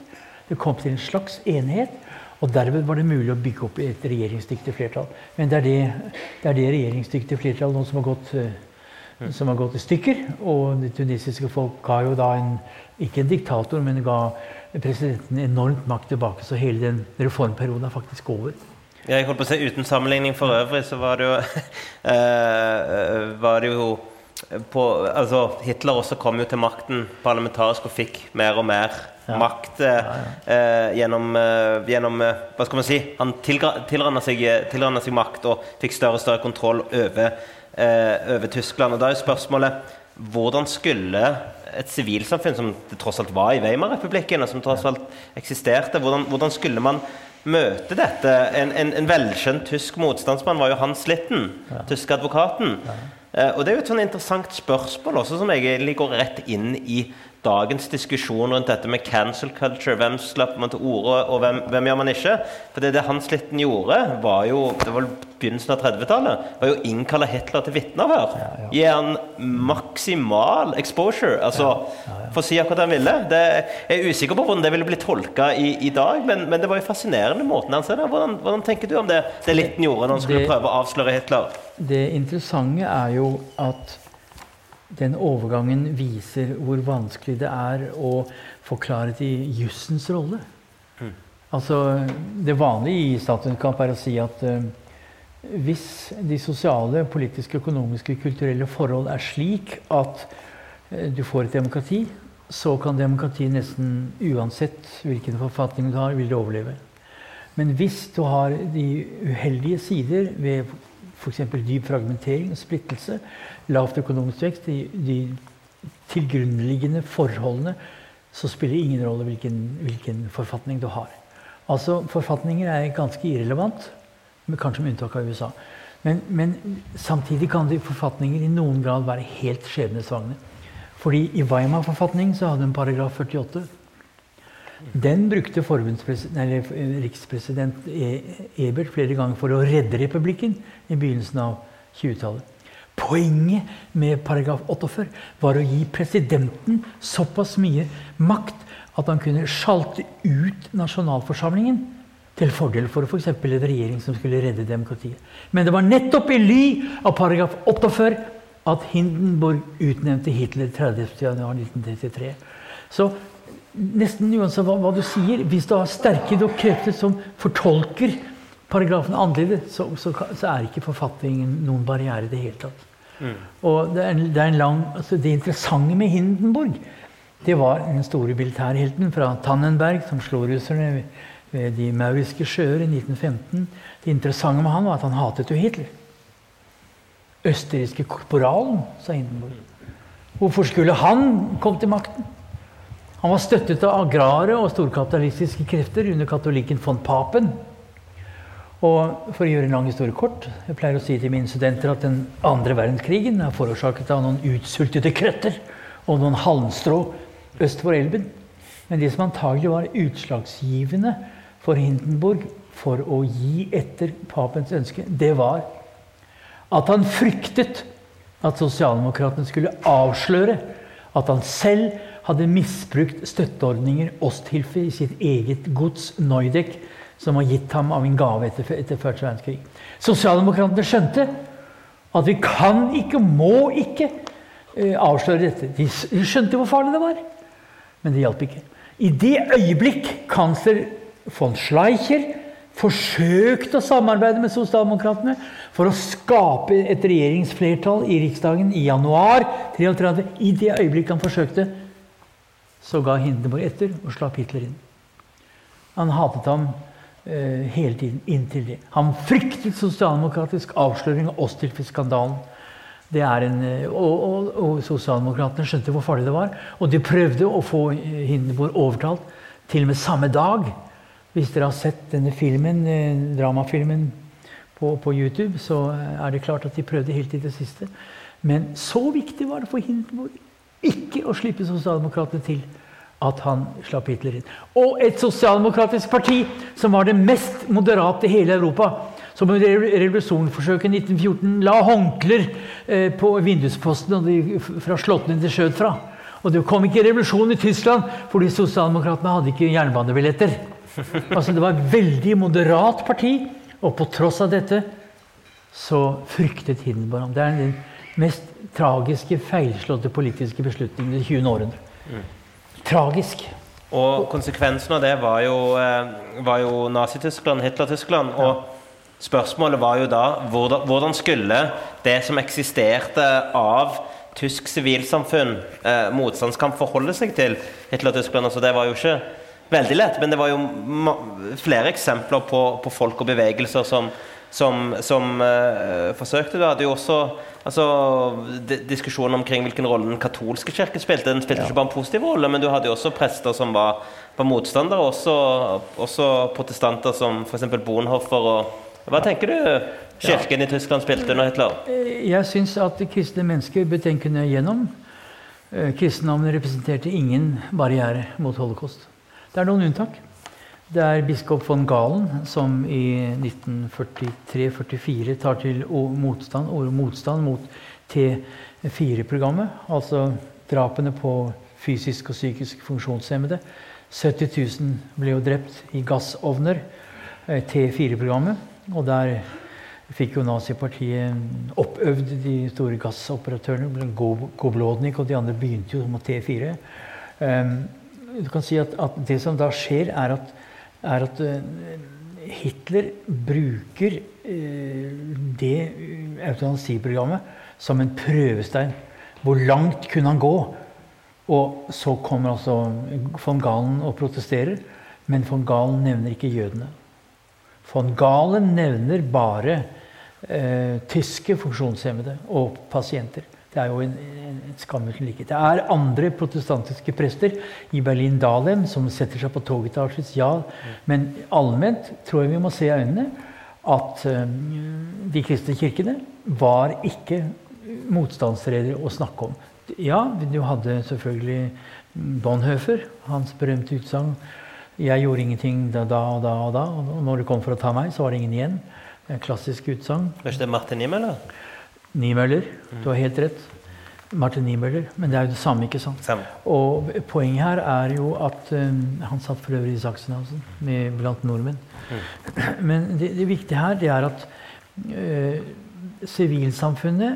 De som bød mest motstand, det var jo kommunistene. Men de måtte gå i eksil. Sosialdemokratene måtte gå i eksil. Men de som bød mest motstand, var jo, tro det eller ei, prøyssiske hærs generaler. Den som kom nærmest ut av livet av Hitler, var Stauffenberg. Som hadde mistet en øye og en arm i britisk flyangrep i Tunis. Og han får da plassert bomben, en britisk bombe for øvrig, inn under eiketresporet 20.07.44. Det var så jævlig varmt at han ble avbrutt i å armere den andre bomben. Og den ble kastet ut i villmarken. Han fikk skjøvet bomben inn Og han ble avbrutt fordi han måtte skifte skjorte. Og han hadde bare én arm. Og Da kommer han inn, kommer litt for seint. Hitler står over bordet, og et stort eiketresbord hindrer selvfølgelig at uh, Hitler rammes. Det er fire som blir opptatt. Han bare får en flere i buksen. Kom ikke å snakke om tilfeldigheter. Det var den prøyssiske hær som var den kraftigste motstandsbevegelse. Og så var det selvfølgelig deler av den katolske kirke. Hitler hadde en klar hensikt med den katolske kirke. Hadde han vunnet krigen, den første ville hatt, det var kirken. Han, han turte jo strengt tatt ikke gjøre noe med kirken. Det, ifølge konkordatet som kom i 34, eh, pave Pius eh, hadde et konkordat. Så han lot dem være i fred inntil krigen var vunnet. Var ikke van Galen utnevnt av pave Pius? Det tror jeg også han var. Ja. Mm. Men det avgjørende her er hvem yter motstand i et totalitært regime. Vær klar over det at du kunne bli torturert og fengslet. var ikke en kjeft som visste noe om det. Nå har du mobiltelefoner. Det er mulig å få BBC kom på besøk. Det er ufattelig en helt annen type transparens. Det er mye vanskeligere å være totalitær diktator i dag enn det var for 80 år siden. Mye vanskeligere. Fordi det hadde telefon. Jeg syns at mobiltelefon og nettet har uhyggelige sider, men på det punktet er det en fantastisk frigjørende effekt at du hele tiden kan få, kontakt ute. Og man må si det at, at um, det tok altså seks måneder for Hitler å kvitte seg med det sivile samfunn. Det som var avgjørende, var selvfølgelig riksdagsbrannen 28.2. Og som er Ermächtigungsgesetz. Og det som folk alltid glemmer, det er at maktovergivelsen Det er ikke makt, det er greifo. Maktovergivelsen maktovergave, den skjedde i juridisk sett helt ukrandelige former. I en befolkning som den tyske, som var sterkt legalistisk orientert, så var det ganske viktig. Det bygde ned motstanden. Nürnberglovene, som forbød eh, å ha jødiske hushjelper, og som fratok jødene alle statsborgerlige rettigheter, det var en juridisk uklanderlig lov. Vedtatt av eh, senere general, eh, senere forbundskansler Adenauers eh, personlige sekretær. Eh, altså, Det avgjørende her er at Hitler tok makten ved gradvis å overta fullmaktsloven. Han var så juridisk at han fornøy, fornyet fullmaktsloven i 37. Nå, det var bare fire år. Han fikk makten for fire år. Så han forny, altså fornyet den. Han var så, så klar over at han måtte følge reglene. Og det at lovene kom uklanderlig Tyskerne var åpenbart ikke så veldig opptatt av hva lovene sa, så lenge de formelt var bekreftet. Og det er jo en veldig farlig Altså Jurist er en livsfarlig profesjon. 25 justismord hittil med juristisk deltakelse. Jeg vil gjerne kaste ut en kjøttpulpen. Norske jurister er underutdannet. Underutdannet. De kan ikke metode, de kan ikke skikkelig filosofi. Og de kan ikke pro contra. Og nå som du ikke har forberedende lenger, så er norske jurister livsfarlig for folkehelsen. You can quote me on that. Jeg, vet ikke om, om uh, din kollega som er dekanus på juss nå, eh, som har skrevet mye om juristene i, i Graver. Ja, Hans Petter Graver. Ja. Ville vært helt enig i det du sa nå, men han har i hvert fall sagt at du kan ikke stole på juristene. Neida. Og at de tyske juristene på 30-tallet er et godt eksempel på det. Ja. De tyske juristene i 30-tallet var jo alle preget av keiserdømme. De var jo ikke demokrater. Altså Weimar-republikken kom i en nederlagssituasjon. Den var forbundet med nederlag, økonomisk krise både i 23 og 29. Eh, Weimar-republikken var forhåndsdømt, sier mange. Men da glemmer man at i 28, under Gustav Stresemann, den flotte utenriksminister som døde av infarkt altfor tidlig, da var Weimar-republikken hadde framtidsmuligheter. Kunstnerisk skaperkraft, film, filosofi og, og ikke minst økonomi, økonomien var, var, i orden. Og, det, og just Briand hadde jo relasjon med Frankrike. De fikk nobelprisen begge to. Eh, og et forsøk på å bygge ned spenningene mellom Frankrike og Tyskland. Da kunne Weimar-republikken ha overlevd. Men det som var det avgjørende, hvis dere, hvis dere, bare husker den ene tingen, så har jeg ikke ledd forgjeves. At når, når, når eh, kabinettet Müller går av våren 1930, på en bagatell for øvrig, på bevilgninger til eh, Forsvaret, og kutt i arbeidsløshetstrygden, da kommer Hindenburg inn og da starter styringen ved hjelp av dekreter i ly av paragraf 48. Og Det betyr at da utnevner Hindenburg Bryning, som blir sultkansler. Og han avsettes ulovlig i 32 av von Papen. Hvis Bryning hadde fått eh, eksistere litt til, så kunne han kanskje ha trukket Tyskland ut av den økonomiske krise, for da begynte han å tenke med underskuddsbudsjettering, kensianisme. Og den tyske økonomien var på vei ut av krisen til i 32, hvor han ble avsatt. Det er en tragedie. Situasjonen fram til maktovergivelsen er full av tilfeldigheter og individuelle feiltagelser. Hitler, f.eks. Våren, eller høsten 1932, hvor han tapte åtte mandater, så var han utsatt for kjempepress fra ulike fløyer i partiet. Nå må du ta makten! Du kan ikke vente på dette her. Hitler var helt rolig. Eiskalte ville var hans yndlingsuttrykk. Jo, han ville vente til alle andre hadde uh, spilt seg ut, for han ønsket ikke å bli lurt inn i en felle av von Papen. Han ville ikke bli visekansler, han ville ha kanslerposten, og han ville ha makt over det prøyssiske politiet, og det fikk han. Så han var et, et taktisk geni. Hitler var et taktisk geni. Og så vender det da det lille valget i Lippe i januar 1933. Da får, da får nazipartiet omtrent som før. Alle hadde trodd det var kulminert. Men da sier han nå, nå må jeg gjøre det. Og så er det forhandlinger. Åh, dette er Forhandlinger mellom de ytterste høyre. Banker Schrøder. Wilhelm står i, i Köln en dag i dag, hvor han møter Hitler. Og da, sier, da blir de enige om å foreslå en regjering hvor de konservative rigges inn. Og Hogenberg, ikke Hindenburg, men Hogenberg, mediemogulen, han sa allerede i april 33 jeg har gjort mitt livs store tabbe. Jeg har sluppet denne mannen inn. Det er jo interessant, Bernt. Det, ja. det, slår meg jo at du kan jo også se Hitler og nazipartiet som en del av sivilsamfunnet. Ja. Altså, hvor effektivt de altså, uh, Hvordan de jeg vet ikke om jeg skal bruke uttrykket revolusjonerte valgkamp, men brukte fly, nådde store folkemengder brukte valg, brukte hele det parlamentariske, for ikke å si det liberale demokratiets metoder til å få makten. Det var jo et, nærmest et eh, eksemplarisk eh, utgave av sivilsamfunnet. Goebbels sa det helt klart. Vi vil durch den institusjon marschieren. Vi vil bruke demokratiske eh, regler til å undergrave demokratiet. Det er akkurat det han sa det allerede i 28. Vi skal bruke demokratiets institusjon til å fjerne demokratiet. Og han klarte det helt klart. Eh, og jeg vil si at eh, det mest uhyggelige er jo at, at eh, det var så relativt lett, altså. Det er lett for oss å si her vi sitter i 2022 i Vestbanebygget. Det som skjer da i januar 33, det er at sosialdemokratiet hadde en stor militær formasjon, Reichsbanner. Hvorfor ble det ikke generalstreik? Fordi Hitler ble undervurdert. Nyheten om maktovergivelsen kom på side 16 i New York Times, og den franske ambassadøren Ponce sier dette går, glir over. Otto Wells, SPD-lederen, dro på ferie i Sveits fordi dette glir over. Total undervurdering av, av, eh, av, Hitler. Og det interessante da er at eh, Reichsbanner turte ikke sosialdemokratene å ta i bruk. Hvorfor? Tenk historisk. For sist Eh, sosialdemokratene gikk ut i gatene her. Det var jo 2-23. Og da ble det slått til blods av Kapp. Av frikårene som ikke var demobilisert etter første verdenskrig. Og det fryktet sosialdemokratiet akkurat. Eh, kommunistene kunne ha gjort noe, men arbeiderbevegelsen var ubønnhørlig splittet. Den store tragedien er at de var splittet, og, og kommunistene var ikke sterke nok. Det var for øvrig kommunistene som kjempet mest i gatene i Berlin. Dere har sett denne fjernsynsfilmen. Det var kommunisten som gikk i bresjen der. Men de ble veldig fort tilintetgjort. De ble arrestert. Der, mm. Og Reichsbanen turte de ikke å mobilisere av frykt for å bli slaktet ned. Husk at SA hadde da ca. 100 000 menn i, i 1933.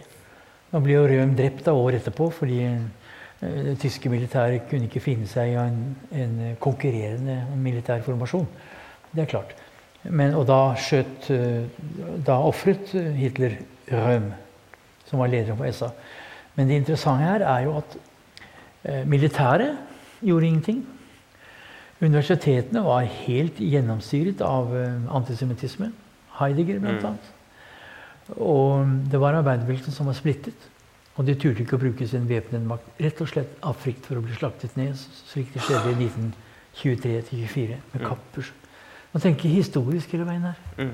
Ja, Apropos historisk, du nevnte jo dette julikomplottet med von Stauffenberg. Altså, Ja. det, det er jo egentlig mye større eh, og, og hadde tentakler i veldig, blant veldig, veldig mange. Altså, det var en veldig omfattende del. Det er helt ufattelig når du leser om Stauffenberg. De sendte meldinger på Telex og greier. At ikke Gestapo tok det mye før.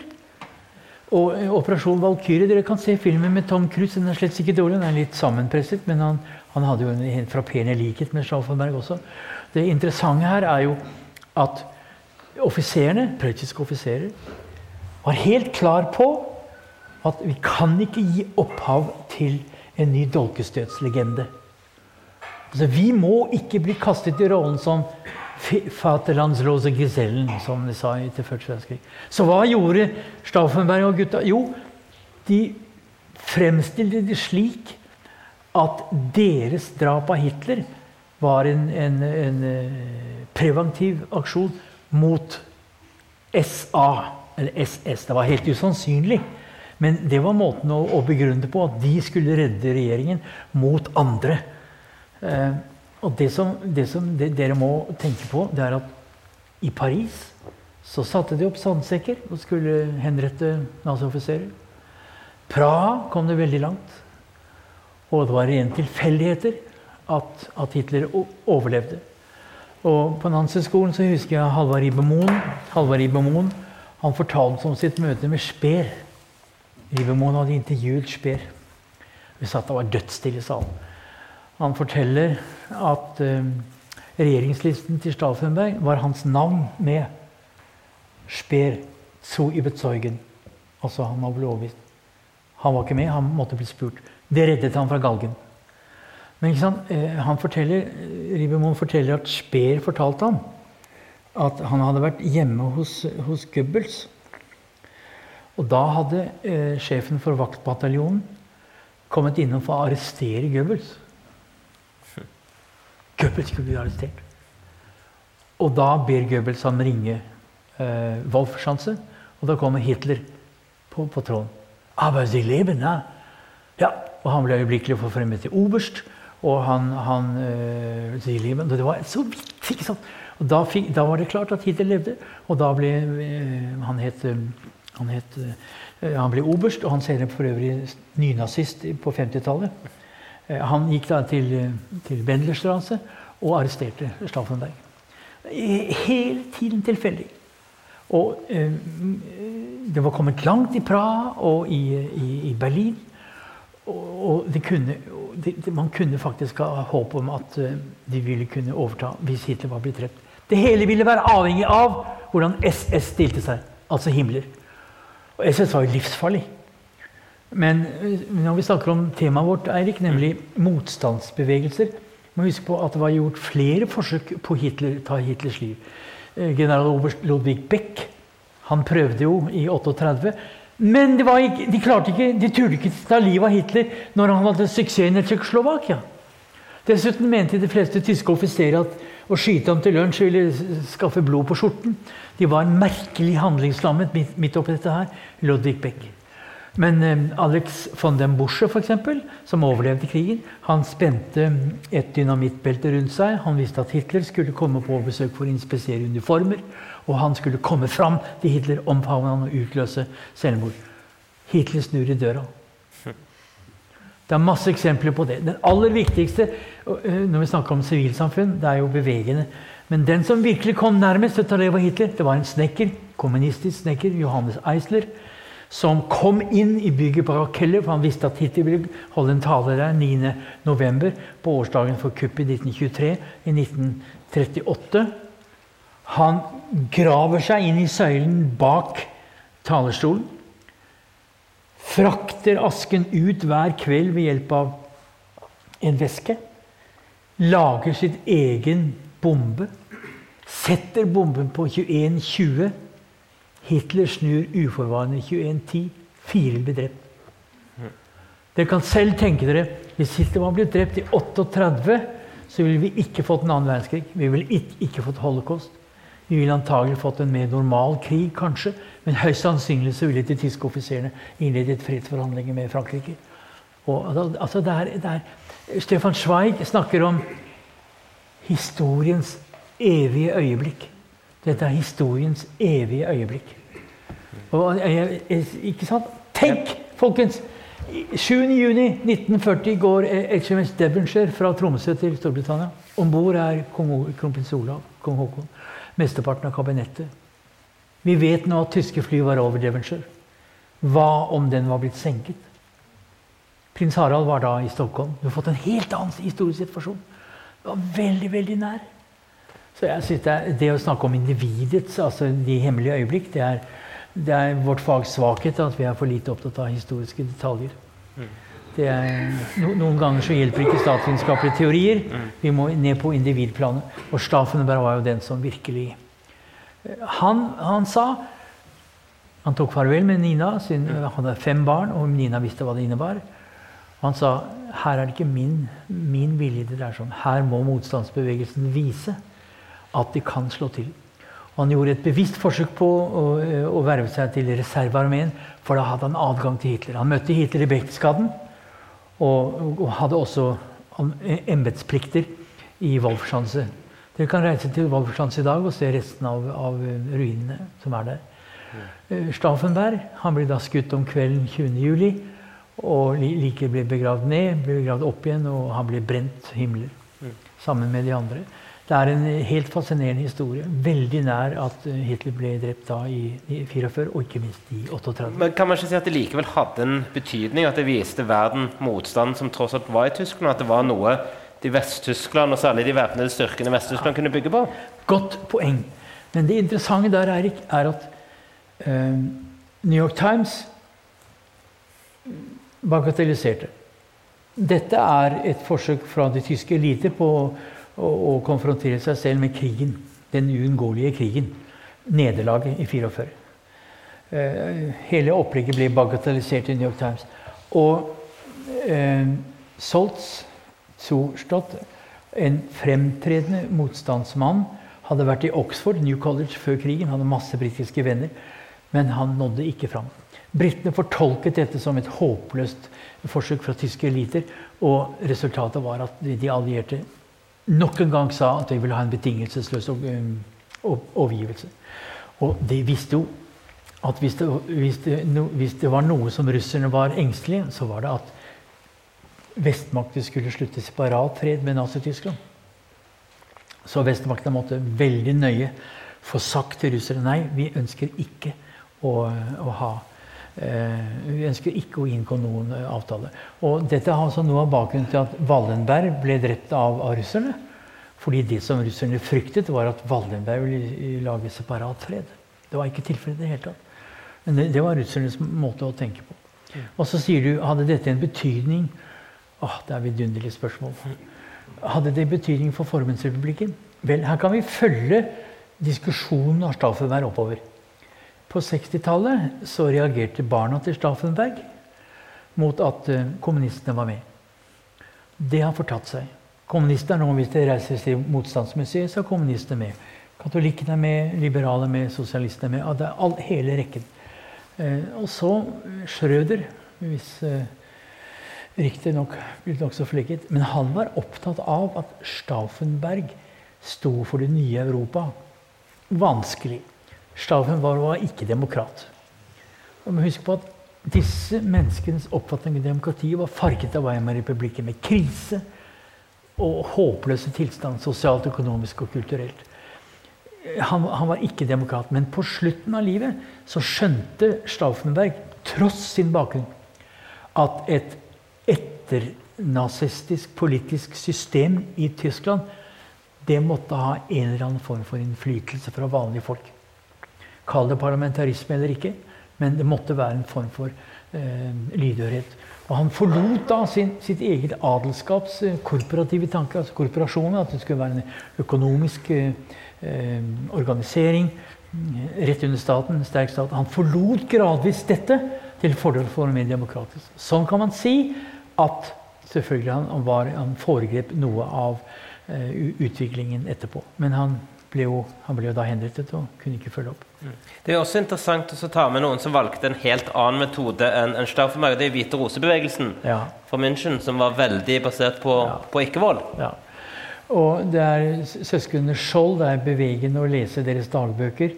Søsknene Skjold eh, siterte greske filosofer, sendte ut flygebad at nå må det tyske borgerskapet forstå hva det er i ferd med å gjøre. De trodde det skulle vekke en opinion ved å sende ut flykeblad med referanser til demokratisk Og tenkning. dette var i 1942. 1942. Men de blir selvfølgelig umiddelbart angitt, og det blir halshugget.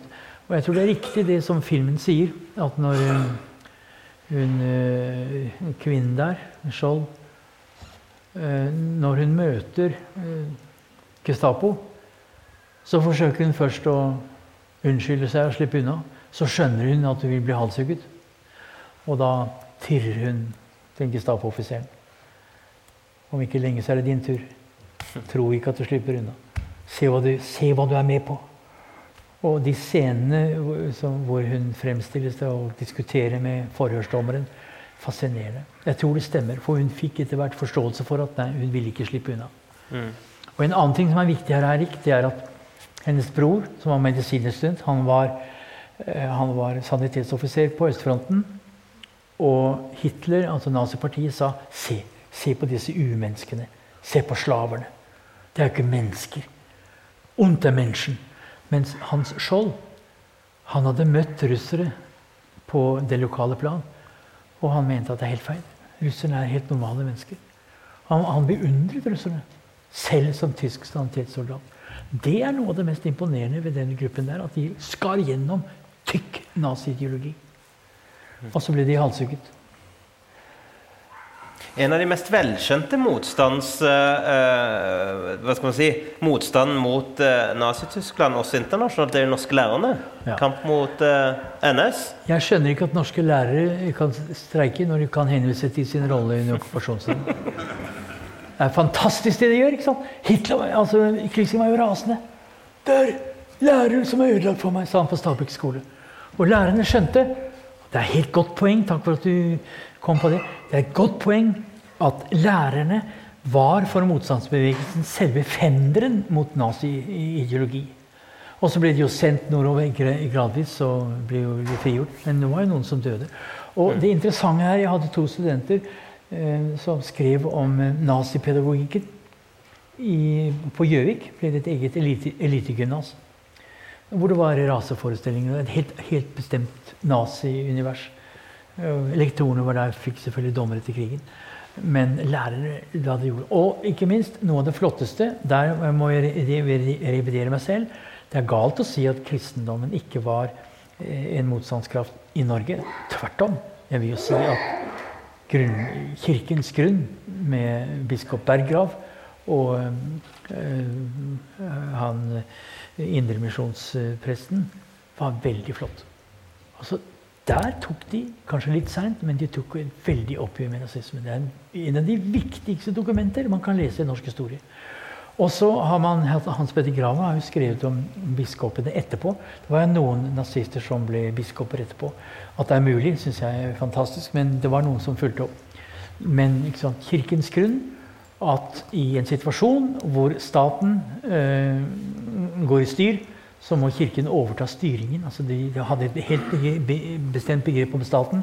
Når, når staten går seg vill, så har Kirken rett til å, å være en moralsk instans. Berggram var jo helt fascinerende på det, på det punktet der. Snakker jeg for lavt, dere?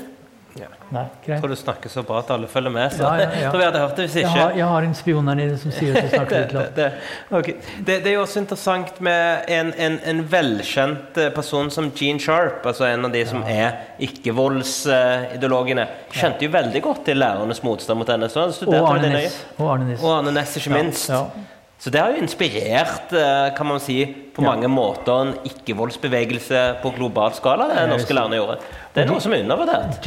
Undervurdert Gene Sharp inspirerte jo masse slike bevegelser. Hans inspirasjon var den norske motstandsbevegelsen. Det var Arne Næss, det var Mahatma Gandhi. Han døde for ikke lenge siden. Han er en veldig underbelyst, betydelig skikkelse. amerikansk statsviter som opererte sitt eget institutt i, i mange år. Og nå kan man si, da Ville en motstandsbevegelse i, i Tyskland ha noen sjanse mot nazityranni? Antagelig ikke. Vi ser nå at uh, i dagens Putin Det har ikke noe du skal ha sagt. Nå, uh, om noen dager så får Memorialprisen. Det er en rå makt som Ludvig 14. lot inskribere på sine kanoner. Ultima uh, regum Ultima ratio regum, kongens siste argument. Det er makten det dreier seg om. Men så kan man si at inntil den krigen kom, så fryktet altså Putin veldig det sivile samfunn. Han gjorde hva han kunne for å ødelegge det. Og det, det, det han fryktet helt, helt åpenbart. Og stilte overfor massiv makt, så kan det sivile samfunnet ikke gjøre stort, selvfølgelig. Eh, og apropos eh, Putin, Russland og tidligere Sovjetunionen. Det er jo massevis av eksempler på, eh, på, på russere og, og, andre nasjonaliteter for den saks skyld i det tidligere Sovjetunionen som forsøkte å gjøre motstand under kommunismen. Det sivile samfunn knuste kommunismen. Det sier jo alt om betydningen av ja, Sakharov, eh, eh Solzjenitsyn, kritikken av sovjetregimet. Og den første som, som, eh, som forsto det, var Gorbatsjov. Og jeg, jeg, har møtt Sakharov én gang i Bergen. På Hotell Norge ga vi ham en middag. Det var helt fascinerende. Han gikk rundt på den naturvitenskapelige avdelingen. Han kunne ikke så mye engelsk, men når det kom til fysikk, så kunne han engelsk. Om kvelden så var det middag. Og da sa Jarle Ofstad, som var styreleder Det er fascinerende sak. Altså. Han sa Vi har merket oss, eh, herr Gorbatsjov, at de i deres manifester om fredelig sameksistens mellom Vesten og Sovjetunionen legger veldig vekt på vitenskapelighet. På rasjonell argumentasjon, vitenskapelighet, fornuft. Dette verdsetter vi veldig og takker dem for. Så reiste han seg, søkte ordene. sa han. Det er korrekt at jeg i disse manifestene la vekt på vitenskapelighet. Men etter hvert som jeg er blitt eldre, legger jeg mer og mer vekt på moralsk perfektibilitet. Vi kan alltid bli bedre moralsk. Vi kan hele tiden strekke oss moralsk. og Det er kanskje viktigere enn vitenskapelighet. Jeg mener at Andrej Sakharov ville ha blitt russisk president om han ikke døde seks måneder etter at han hadde vært i Bergen. Bare for sikker på at alle følger, Kan du bare gi en rask biografi av Sakharov? Sakharov var atombombens far. Han, han var han som uteksperimenterte H-bomben eh, i 849. Og han eh, var medlem av det russiske vitenskapsakademi og fikk en spesiell helt av Sovjetunionen. Men han ble etter hvert mer og mer knyttet til opposisjonsbevegelsen. Og han ble arrestert av Brezjnev og sendt til Gorki i, i forvisning. Eh, men fortsatte å, å, skrive. Det var først Gorbatsjov som slapp han fri. Og I Bergen så gjorde vi et poeng å spørre han om han kunne undersøke om det var noe i ryktene om at i Kalinin på vei til Moskva var det en egen leir for politiske dissidenter om man kunne undersøke om Wallenberg var der. Da var det fremdeles mulig at Wallenberg levde, men det kom ikke noe ut av saken. Sakharov fikk jo også fredsprisen. En stor, stor person. Kanskje en av de største. jeg si altså. Mm. Eh, jeg tror min venn Ulf Andenes har møtt ham i Gorki. Du har vært i Sakharovs leilighet i Gorki, har du ikke det, Ulf? Jeg henvender meg til deg. Du har fortalt meg at du har vært i, i, i eh, Sakharovs leilighet i Gorki. Hører du? Vi kan ta det ja, vi tar, litt, vi tar, vi tar litt på. Du nevnte jo også ja. Soletsjnin. Eh, Solzjenitsyn, ja. Solzjenitsyn, ja. Den russiske Det er rom for forbedringer. Ja. Eh, som jo er en stor forfatter, eh, og ikke minst boken eh, 'En dag i Ivan Demisnev sitt liv'. Og nettopp det oppgjøret med Stalin var jo han helt, helt avgjørende. Helt avgjørende. Og ikke sant? Som Orwell sa, skal du ha kontroll med fremtiden, må du ha kontroll med fortiden. Det er ikke tilfeldig at det Putin gjør nå, er å frata memorial. Rive bort muligheten av å eh, legge opp i historien. Eller rive bort muligheten av å forstå hvor mange som ble drept.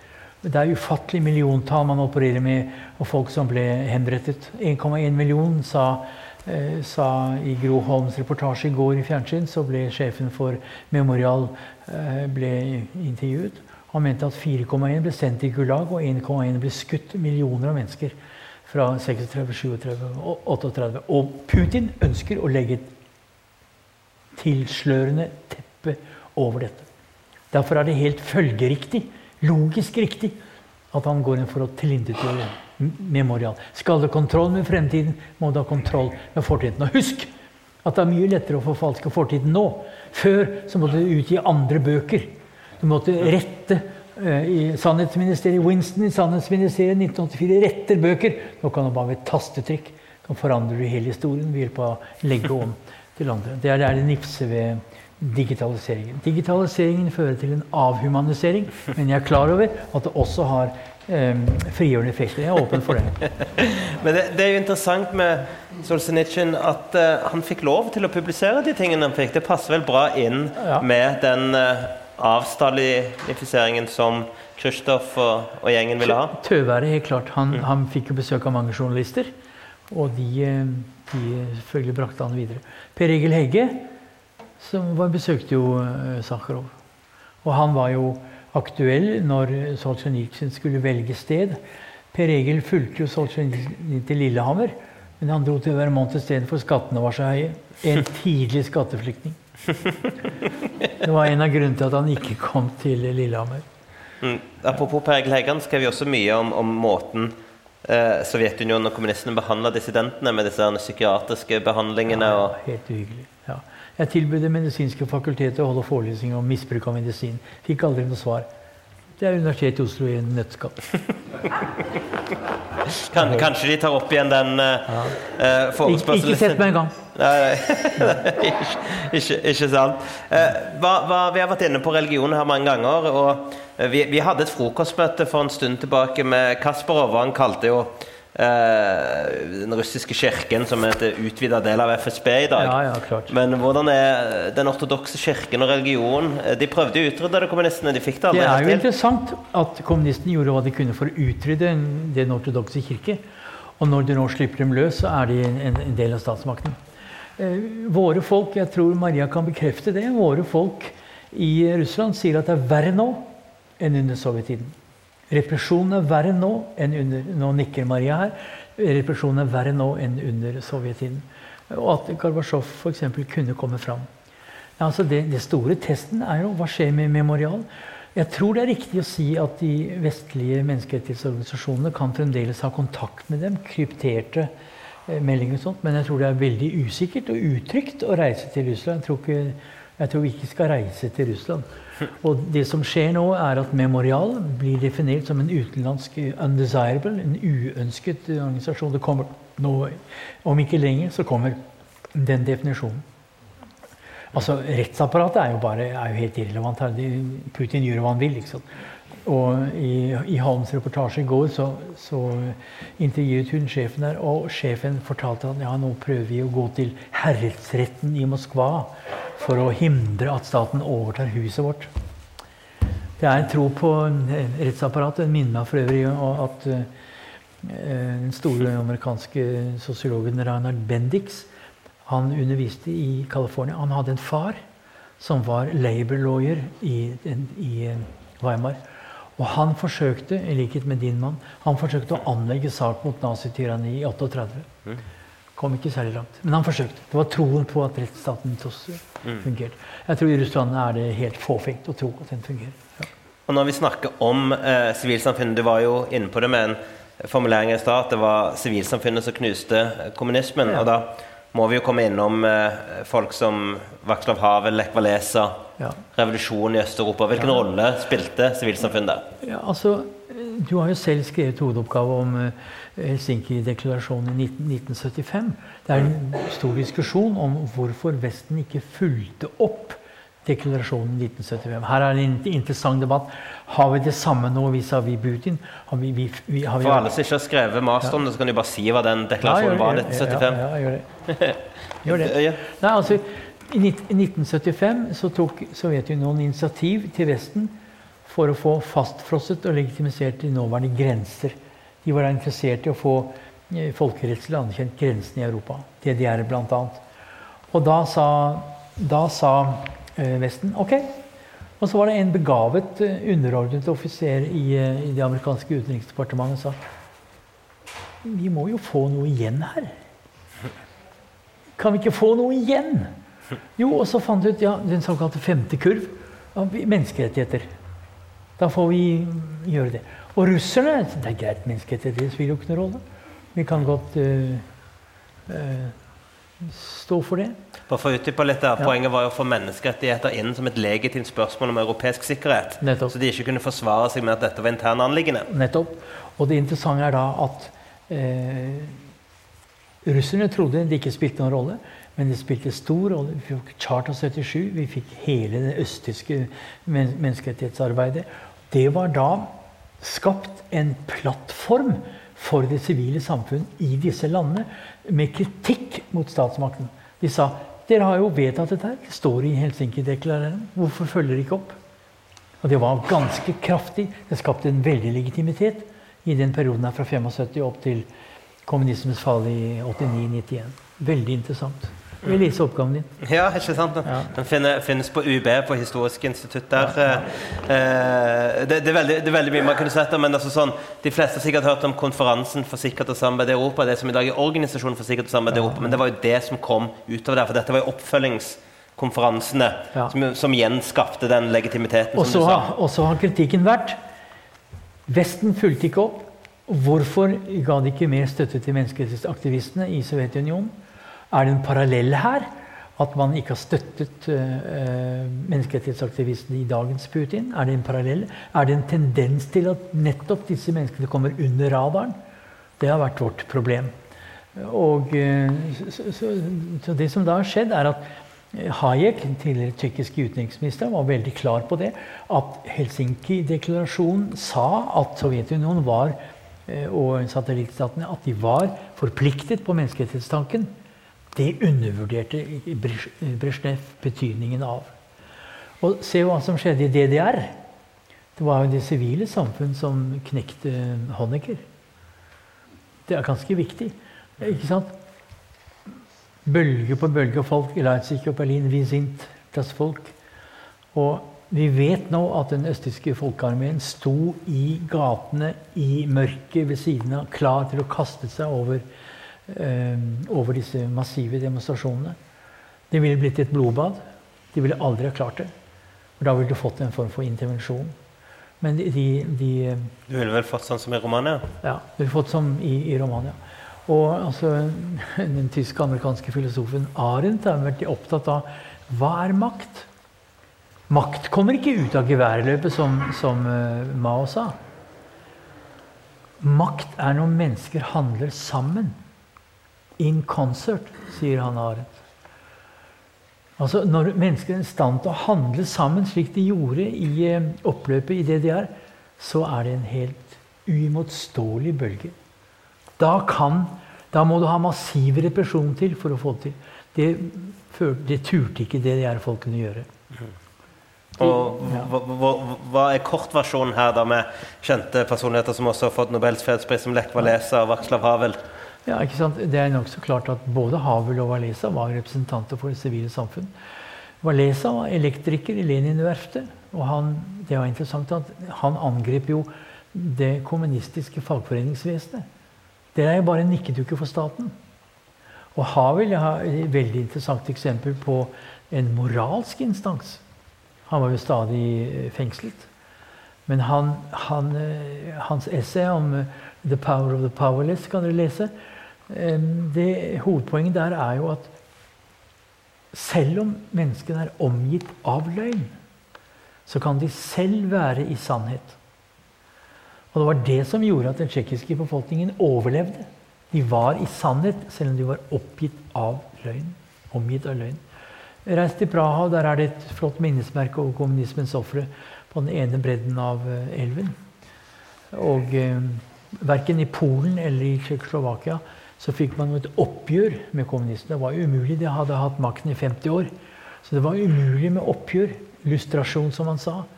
Man fikk altså ikke et rettsoppgjør av samme type som man fikk i Norge, for det hadde vart for lenge. Og du kan si at kommunismen var, lå for langt ned i samfunnslegemet til at man kunne ta det. Men eh, det er jo interessant at eh, dagens polske regime er jo temmelig autoritært. Altså Den store forskjellen mellom Gomulka og eh, de brødrene Den ene ble drept. Det er at Kaczynski. Kaczynski, det er at kommunistregimet jo ikke var nasjonalkonservativt. Altså De var ikke katolikker. De var tilhengere av kvinnefrigjøring. Jeg tror ikke de var tilhengere av, av eh, ekteskap mellom likekjønnede. Altså, der gikk det en grense. Men det var altså en mer radikal sosialfilosofi. Tross alt, det var kommunister. De var, de var eh, forpliktet på en, en, fornuftsbasis. Mens det du får nå i Polen, det er altså nasjonalisme i kombinasjon med kritikk av venstresidens eksesser. Altså en seksualisering av, av, av forhold mellom mann og kvinne, og mellom folk med samme kjønn. LHBT. Og dette er jo eh, ideer som går veldig dårlig på den, tyske, den polske landsbygda.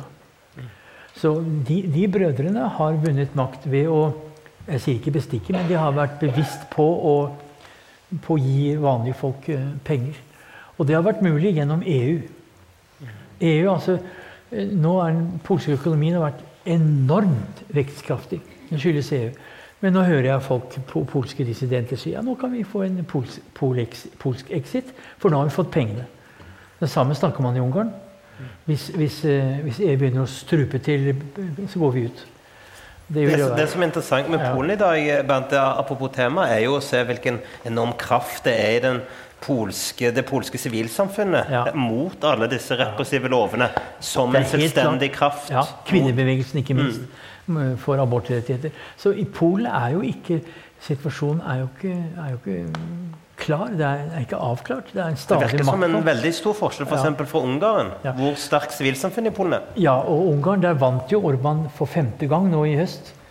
Så det er en helt annen. Mens derimot i Polen så er det ikke så helt klart at, eh, at, de, de, at den broren vil eh, vil, vil vinne. Men at, men at ikke, at ikke PIS-partiet ser at de er nesten like autoritære som kommunistene. At de ikke ser at det er en slektskap der. Det er, det er helt lukket. Helt lukket. Og det at eh, Orban nå faktisk støtter Putin, det er jo spesielt. Dette er den store prøven for EU. Hvis ikke EU, og det er i ferd med å skru igjen nå Min store helt er van der Leyen. Hun er flott. Altså. En av de viktigste politikere i, i Europa etter Angela.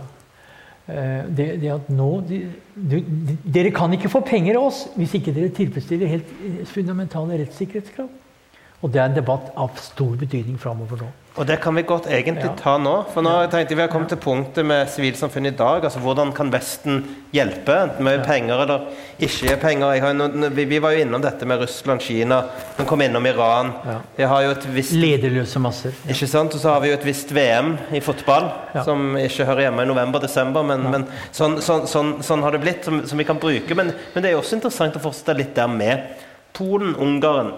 Hva skal EU og Norge, altså Norge har jo strupa EØS-midlene ja. uh, forhold til Ungarn. Det har de gjort. Hva, hva, hva, er dine refleksjoner her, Bent? Hvordan, hva, hvordan skal vi forholde oss til Polen og Ungarn? Ja, altså, se på fotballeffekten.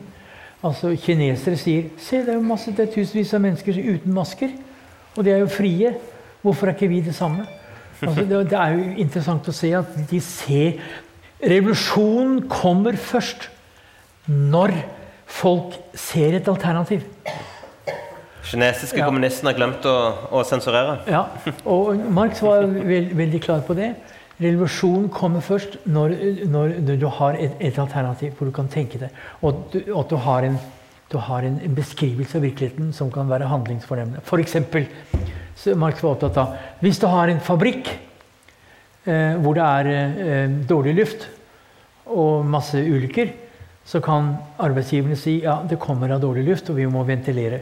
Mens Marx vil si nei, dette kommer av en historisk betinget arbeidsdeling, og det må en revolusjon til. Altså Beskrivelsen av virkeligheten er helt avgjørende. Og det som har skjedd med Qatar nå, det er jo at kineserne har fått en helt annen beskrivelse av virkeligheten gjennom fotball-VM. Jeg syns det er helt fascinerende. Eh, spørsmålet var om Ungarn og Vi kommer tilbake til Kina, men Ungarn og Polen, hva skal Vesten, EU, Norge gjøre? Nei, Norge f.eks. har jo nå kuttet uh, pengene til uh, polske museer. Eh, museer som går inn for en helt bestemt fortolkning av den polske historien. Legger veldig vekt på, på uh, idealisme og F.eks. Ingrid Brekke, Aftenposten-journalisten, hun mener jo at Polen er veldig ansvarlig for Jeg skal ikke nevne Jeg tror hun nevner faktisk uh, 30 000 jødiske ofre. Altså, hun har et tall som hun får fra polske forskere. Og polakkene er overhodet ikke interessert i å diskutere deres medansvar. 3,2 millioner ble jo drept i Polen. Det kom jo delvis av at polakkene så på jødene som annerledes. Og oppgjøret med antisemittismen i Polen er jo ikke kommet. Og nå har du en regjering som forbyr å si at polakker er medansvarlige for holocaust. Dette er et historisk problem. De var delvis medansvarlige for holocaust. Og jeg kan fortelle dere at um, en medstudent av meg på Yale, um, han som skriver om gjeddbaddene, um, kom på rommet et øyeblikk, han utga en bok om Golden Harvest. Helt forferdelig. altså Uten at den katolske kirke reagerte, så var det flere steder i Polen i 45 at polske arbeidere grov opp støvet av henrettede, gassede jøder i håp om å finne gulltenner. Og det er bilder av disse utgravene hvor de sitter med øh, benpiper på tvers. Så den polske antisemittismen har jo vært et, et problem. Og øh, den kan man altså ikke diskutere. Den polske historien skal være idealistisk og rettet inn mot nasjonal storhet og stolthet. Og Norge har ikke gitt midler til akkurat den delen. Må man bare fortsette. Mm. Man må insistere på kontroll med EU-midlene. Det er uhyre viktig. Mm. Eh, det er lett å si, men eh, det er klart det må man kunne gjøre. Klart man kan. Nå har norske EU-midler gått med til å restaurere nylig synagoge i, i Wroclaw. Nydelig Bente Kahan har stått i spissen for det.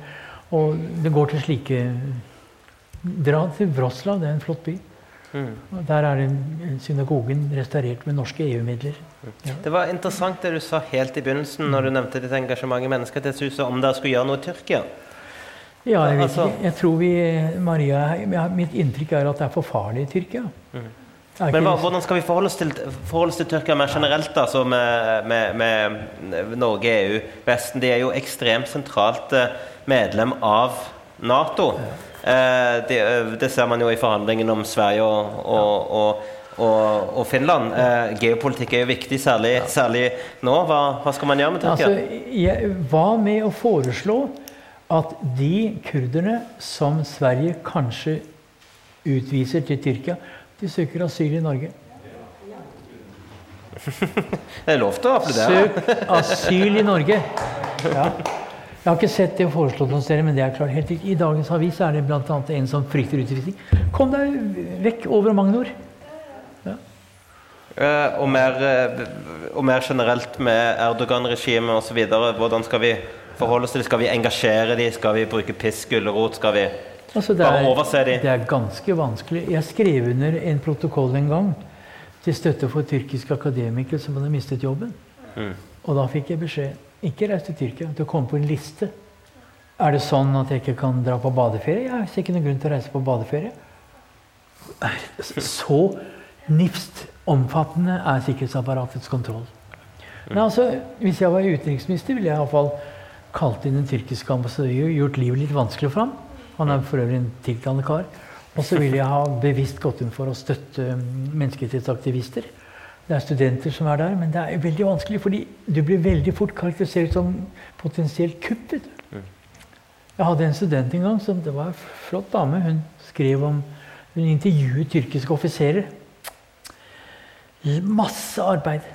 Og poenget var at i den utstrekning tyrkiske offiserer ikke betraktet en sak som sikkerhetssak, i den utstrekning det ikke var det, da lot de regjeringen være i fred. Men i det øyeblikk de opplevde at hæren var involvert i, i, i, sikkerhetsspørsmål, da var det mulighet for kupp.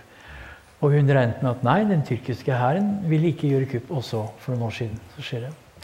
Mm. Forutsigelser i, i statsvitenskap er alltid vanskelig. Vi vet jo også at organisasjonen PEN har jo vært veldig involvert i Tyrkia for å prøve å, Ja. å hjelpe til med ytringsfrihet og de Ja, det klart. uavhengige journalistene som fremdeles er der. Og, Ja. Jeg vet ikke, Det kan du selv tenke. Hvilket register har vi av uh, aksjonsformer? Jeg husker Knut Frydenlund skrev i en bok jeg lagde i Bergen om menneskerettigheter. Han beskrev en, en episode hvor en uh, tyrkisk student skulle enten fengsles eller henrettes. Og den norske ambassadøren i Teheran gikk og ba for ham. Sjahen ble så rasende at studenten ble skutt dagen etter. Så det er ikke lett, det der. nei, apropos for å gjøre det enda vanskeligere, så er det jo grunn til å stille spørsmål om eh, situasjonen i Russland. Eh, der er det jo svært vanskelig for sivilsamfunnet. Eh, hva kan Vesten gjøre? Eh, det er jo en viss fare for altså Historisk, hvis du bruker for mye sanksjoner, så rammer det feil, eh, feil folk. Eh, har, har vi en Og at Putin vil si ja, de får så mye støtte fra vest, de er agenter. ikke sant? Mm. Altså. Politikk er avveining. Mm. Og vanskelig avveining. Og de som tror at politikk at det er enkelt og greit, de får velge seg et annet fag. Jeg husker Jens Kristoffersen sa de som kommer inn og studerer internasjonal politikk og venter konsistens, eh, finn et fag. Det er ikke konsistens. Mm. Så det husker jeg gjorde veldig inntrykk. Ja. Ja. Og hva er avveiningene i, i Russland nå? Ja, det er for eksempel, Ved å støtte Memorial er det sånn da at eh, Putin får et påskudd til å ta dem. Til å definere dem som utenlandske agenter. Og gi penger. Det bare bekrefter det ytterligere. Eh, Jeg tror en løsning Det er lett for meg å sitte og si her, men en løsning er jo å spørre folkene borte. Hva ønsker dere? Kan du stole på hva de sier? da? De er vel livredde for å si feil ting? Ja, nei, altså Det er fullt av provokatører der. Altså, ikke for å be for min syke mor, men vi i Menneskerettighetshuset har jo eh, gode kontakter. Og det, det skal sies at vi har ikke fått kuttet så veldig bevilgningene. Der er UD ganske sjenerøse. Vi forsøker å finne flere finansieringsmuligheter. Men eh, det å arbeide via eh, frivillige organisasjoner, Amnesty, Menneskerettighetshuset, eh, Helsingforskomiteen og sånn, det er helt avgjørende viktig. Mm. Jeg tror jeg Maria vil kunne være enig i at der er det mulig. Vi har kontaktnett, og noen ganger så merker vi at UD kommer til oss for å få hjelp, ikke men råd til hvem de skal bruke, kontakte. Mm. Nei, altså Jeg hadde aldri trodd at jeg på slutten av mitt liv skulle oppleve den verden vi har nå. Mm. Kombinasjonen av terror, miljøkrise og krig. At demokratiet for første gang er utsatt for eh, fragmentering og splittelse. Jeg trodde aldri jeg skulle oppleve Trump og Putin. Aldri. Jeg hadde heller ikke trodd at nyfascistiske bevegelser skulle komme tilbake i Roma. Men der er det jo det å merke at den kvinnelige italienske statsministeren sier hele tiden at fascismen er over. Og der holder jo EU henne i øra. For Italia er ute etter store penger, og da kan du være sikker på at van der Leyen sørger for at Italia holder seg eh, innenfor. Det tror jeg hun kommer til å gjøre. Mm. Og det er jo interessant da, at hun kom til makten på dagen 100 år etter Mussolinis marsj mot Roma i 1922. Er det likheter? Ja. Det er noen likheter. Det er et, et svakt liberalt sentrum som prøver å fange inn ved å nøytralisere dem. Det skjedde også kong Umberto og Gentili i 1922. Store forskjellen er at det ikke er kommunistiske og fascistiske massebevegelser. 22 var umulig å forstå uten den første verdenskrig og den russiske revolusjon. Det er en helt annen situasjon. Det er ikke vold. Det var 20 000 italienske skvadristi, eller arditi, sjokktropper, som ikke lot seg demobilisere i 1922. De kom ikke til anmeldelse, det holdt på å regne bort, men det var en potensielt trussel om vold. Det er det jo ikke. Og terrorfaren i Italia må nok sies å være over, stort sett. Men dere kan selv tenke dere det ville vært utenkelig hvis en regjering av AFD kom til makten i Berlin. Mm. Helt utenkelig. Så der er den, den fascistiske arven i Italia en helt annen karakter enn den naziarven. Du kan si at Mussolini var jo ganske jævlig. Han var like antisemittisk etter 38, men før var han ikke. Den italienske hæren var ikke med på holocaust i Sør-Frankrike. Det var mot den italienske hærens ære. Ja, og han drepte bare 300 av sine politiske motstandere. Mussolini var ganske mild. Franco var mye verre. Mye verre. Så det er noe av bakgrunnen til at Mussolini fremdeles styrkes på ytterste høyre i Italia. Og hans datterdatter var aktivt med i mange år. Og jeg har møtt, eh, I 78 hadde jeg med meg eh, studenter til Roma. Da traff vi Giorgio Almirante, som var sjef for MSI, Movimento Sociale Italiano, som var en etterfølgerparti til fascistene. Og det var interessant å merke seg at han la hele tiden vekt på at han var del av den konservative bevegelsen i Europa. Frans Josef Strauss og Margaret Thatcher. De selv ville ha betakket seg over selskapet, men det var deres idé. Og MSI, ut fra MSI kommer eh, allianse, altså den italienske alliansen. Så det er hele tiden sånne knoppskytinger på den ytterste øye. Men jeg syns nok at det er grunn til å være oppmerksom på Italia, for eh, veldig ustabilt eh, land. Ja, det er, altså, det, for, for, oss som ikke kjenner Italia så veldig godt, så er det ofte overraskende over at landet egentlig fungerer så bra som det gjør, gitt den politiske ja. Ja. ustabiliteten. Når du reiser rundt i landet som vi har gjort noen ganger, så ja. fungerer ting veldig bra. Bare, det sånn sivilsamfunnet som fikser opp, mens politikken er Bologna. Hmm. Jeg bare minner om at Belgia ikke hadde regjering var det i to år. Mm. Det var ikke så mange som merket forskjell. Dette er stygt sagt. Men Belgia er jo totalt splittet. Det eneste som forener Belgien, det er fotballaget og kongen. Det er jo sånn, Hvis du prøver å flytte inn i et franskspråklig område og snakke flamsk, så blir du frosset ut. Det er utenkelig i noe annet europeisk land. altså. Det er faktisk det. Jeg tror f.eks. bare helt malapro, jeg tror f.eks. ikke at katalanerne nekter kastilianere å flytte inn i nabolaget. Det tror jeg ikke. ikke? Det er en veldig viktig forskjell. Men det skjer i Brussel. Ja. ja. Men det var bare en fotnote. Jeg elsker fotnoter. Ja, det er det mange av oss som gjør. Eh, jeg holdt på å si noe som ikke er en fotnote, men eh, antageligvis min påstand den største trusselen mot friheten i verden fremover, det er Kina.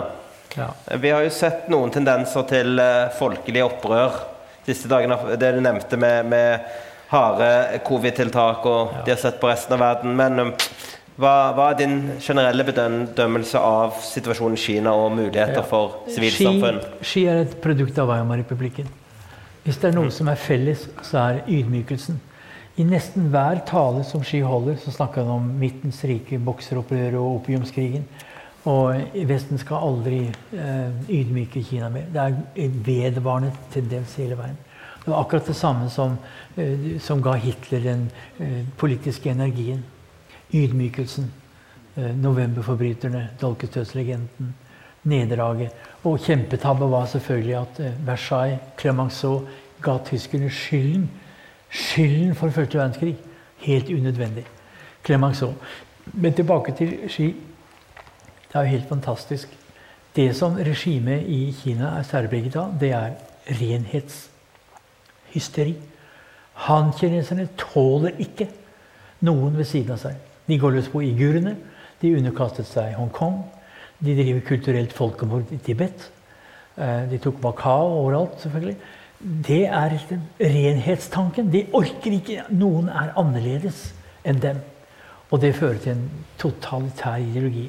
Jeg vil si at det samme i Europa finner vi det samme i DDR. Men Jeg hadde en student som undersøkte Jehovas vitner. DDR hadde langt flere politifolk mot Jehovas vitner enn Nazi-Tyskland. Det som DDR ikke orket, det var tanken at noen ikke aksepterte deres stat. Det var ikke noe militær trussel. Det var veldig få. Men DDR var det eneste land som lagde smedeskrifter. Arresterte dem over hele linjen. Det var en langt verre represjon enn Nazi-Tyskland. Noe av det samme har du i Kina. Det er en, en Han-kinesernes eh, dominans er så overveldende at de orker ikke tanken på å ha andre. Pluralisme er det verste. Pluralisme er vestlig, dekadent. Uh, og vi, det, det, ligger hele tiden der. Og der er parallellen til Weimar helt åpenbar. Det samme har jo i India. Modi er jo en hindufascist på mange måter. At han med en befolkning på er det 400 millioner muslimer At han i det hele tatt tør å diskriminere muslimene i en multietnisk, multireligiøs stat. Det er jo et kjempetabbe. Det, det må jo bero på at mannen er helt fiksert ideologisk. Han ville jo ikke vært den første som er det. Nei. Det er mye som kan spores til, tilbake til, til, til, akkurat det. Ja. Eh, hvordan skal da Vesten forholde seg til eh, Kina? Norge hadde jo en, en, en eh, Eller Norge, sivilsamfunn i Norge. Fredsprisen gikk jo til Liu Xiaobo med, med, politiske konsekvenser. Du kan jo spørre Johan Galto. Han åpnet spørsmålet om Vi vet ikke hva Peking hadde på Liu Xiaobo. Mm. Det sa Johan Galto. Altså intellektuelle Det er et misbrukt begrep. Første plikt er å støtte minoriteter. Støtte ytringsfrihet. Men Johan Galtung hvis moralske bonitet har gått dramatisk ned. Jeg var hans elev på 70-tallet. Han sa ja, vi vet jo ikke hva Peking hadde på Liu Xiaobo. Og jeg påpekte det er akkurat det samme som Hamsun sa om Osjetski. Hamsun sa ja, men kunne ikke Osjetski ha reist sin vei? eh, og det samme sa jo Galtung i realiteten eh, om Liu. Det var det laveste punktet i hans karriere. En lynende begavet nordmann som, som har gått i oppløsning, mener jeg. Det kan jeg godt si offentlig. Mm. Jeg vil si det. Og, nei, men altså hva, hva, skal man gjøre? Det er jo stilt overfor et totalitært regime. Den store forskjellen til de gamle totalitære regimer er at Internett og telefon. Og husk at i den himmelske freds plass så var det 200 med høyere college-utdannelse. Nå er det 20 millioner, og de har mobiltelefon. Det blir verre og verre for Chi å kontrollere ungdommen. Og husk at den, den COVID, Du kan jo snu deg på hodet. Det blir lettere og lettere. Ja. Covid-protestene førte jo til regimekritikk. Det var noen som begynte å skrive, skrike ja, nå må ski slutte. Og det spørs om Det krever masse, massiv represjon til mm. om de skal få kontroll. Det som er veldig spennende nå, det er jo Iran. Og Iran har en veldig ung befolkning. Og de orker jo ikke lenger det prestekjøret. Nå begynner det kan man jo forstå. Nå, nå, nå driver de river av eh, at det er helt ufattelig at de tør. Mm. Og Det som skjer nå, at regimet prøver ja, gir en liten konsesjon. Moralpolitiet eh, eh oppløses.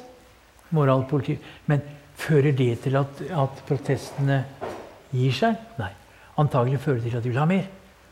Altså Det er inni en ond sirkel fra regimets synspunkt. Dette er jo kjempe, kjempespennende. Jeg så også at de hadde fått uh, undertegna en avtale med, med russerne om å få hjelp til sånn uh, anti-riot-opprør, uh, rådgiver, med at russerne har god erfaring i å presse ned det her. Det, er en annen allianse med Iran og Russland, som man også i Ukraina. Mørkets allianse. Det er klart. Eh, mørkets allianse. Iran, Kina og, og, Russland. Men vi vet jo for lite om de tidligere sovjetiske republikkene. Der er det også temmelig autoritære regimer. Kasakhstan, Dagestan.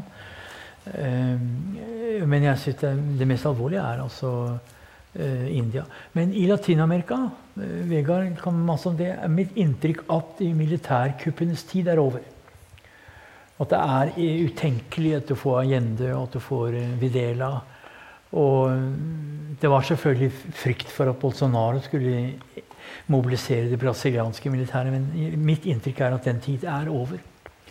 Og der, der, må vi huske på at når vi snakker om krisetegnet for demokratiet, så har det vært enkelte lyspunkter. Lola vant. Vi får nå se om maktskiftet blir fredelig. Et veldig trist tegn er at liberaliseringen av Cuba ikke finner sted. Eh, Vegard Bye har i sin doktorgrad vist at det er manglende debatt at det er veldig få som er opptatt av dette, at det er en høy grad av represjon, og at Cubas venner er skuffet over at det nye regimet faktisk slår ned på folk som protesterer for mat. Det er veldig sørgelig. Og aller verst er Nicaragua. Altså den tidligere sandinista, som nå er blitt en, en diktator. Og Der må vi liberalere bare si helt enkelt Les James Madison. Du må ha en forfatning der det er motmakt. Du må ha maktdeling. Du må ha hele batteriet av eh, liberale rettigheter, politiske og sivile rettigheter. Har du ikke det, så inviterer du til et helvete.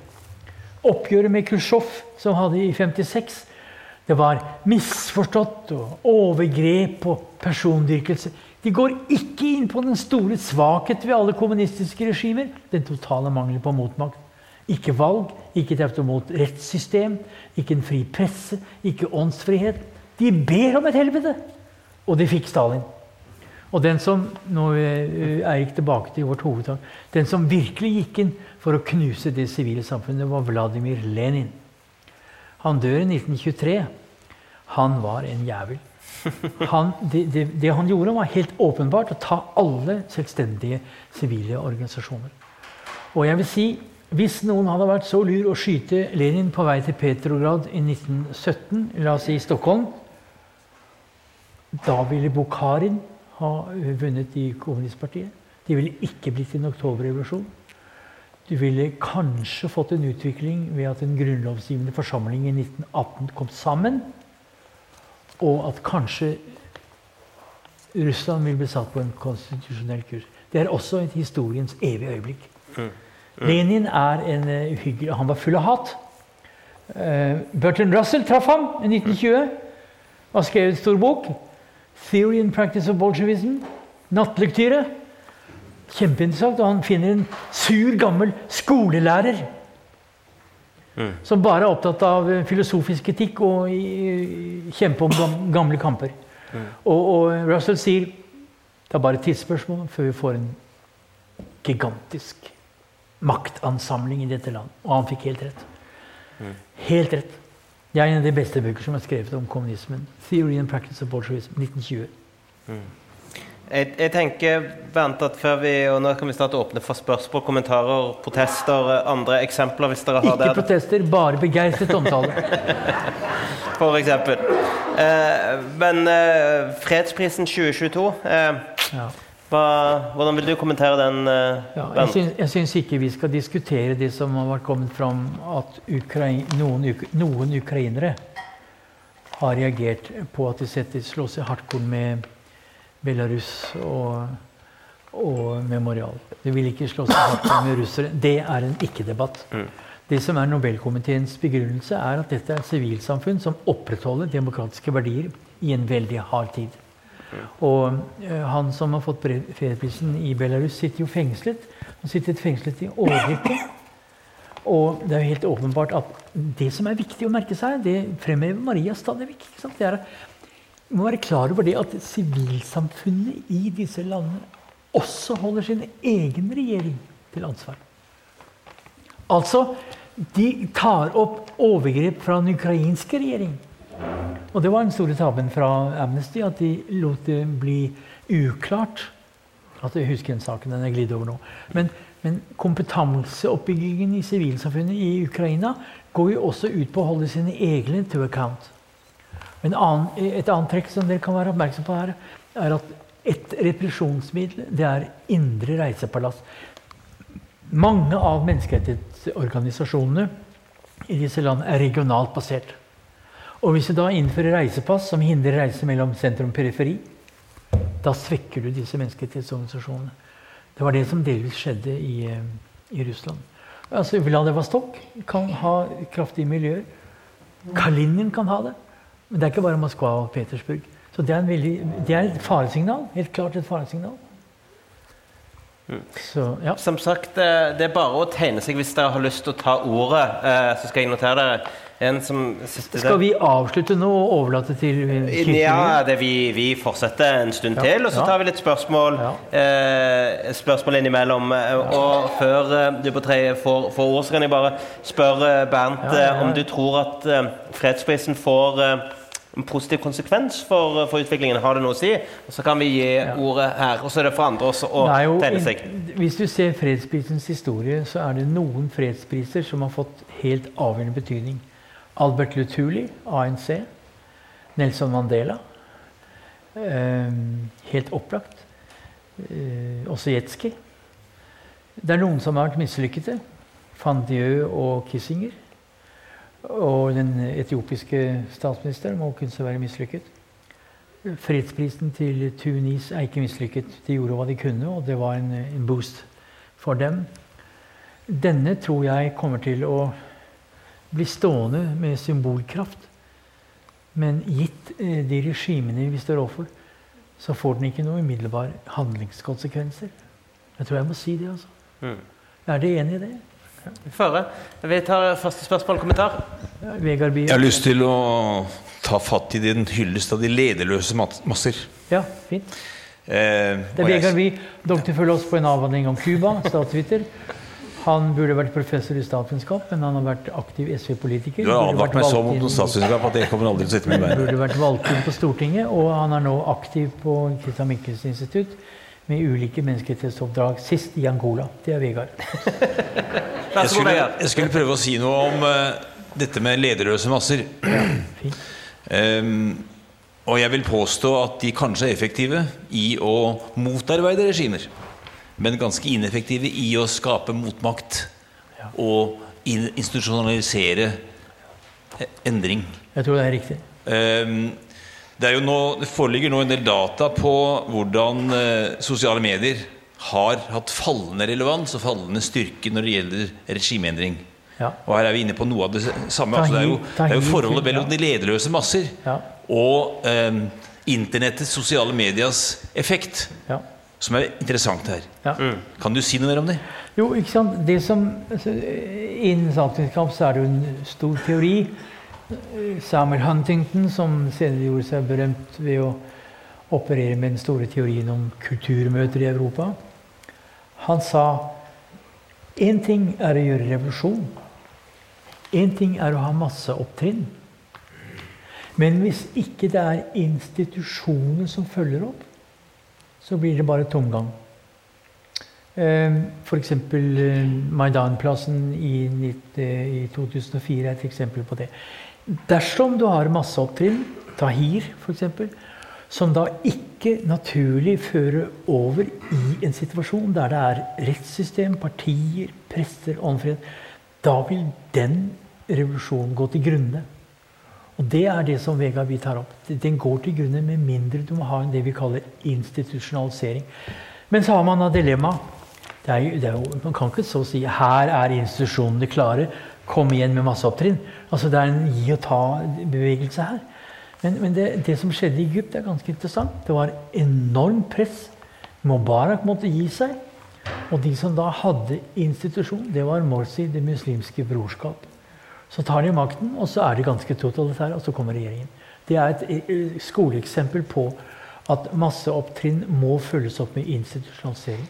Hvem som skal gjøre det, uklart. I Tunis var det jo fagforeningene. Det var, ja, delvis, men det har mislykket, ikke sant? Men, men de gjorde iallfall et forsøk. Algerie vet vi ingenting om. Livsfarlig. Man snakker om at 200 000 ble drept i borgerkrigen på 90-tallet. Og, og, mellom militæret og eh, IS, altså muslimske brorskap. Vi vet ingenting om Algerie.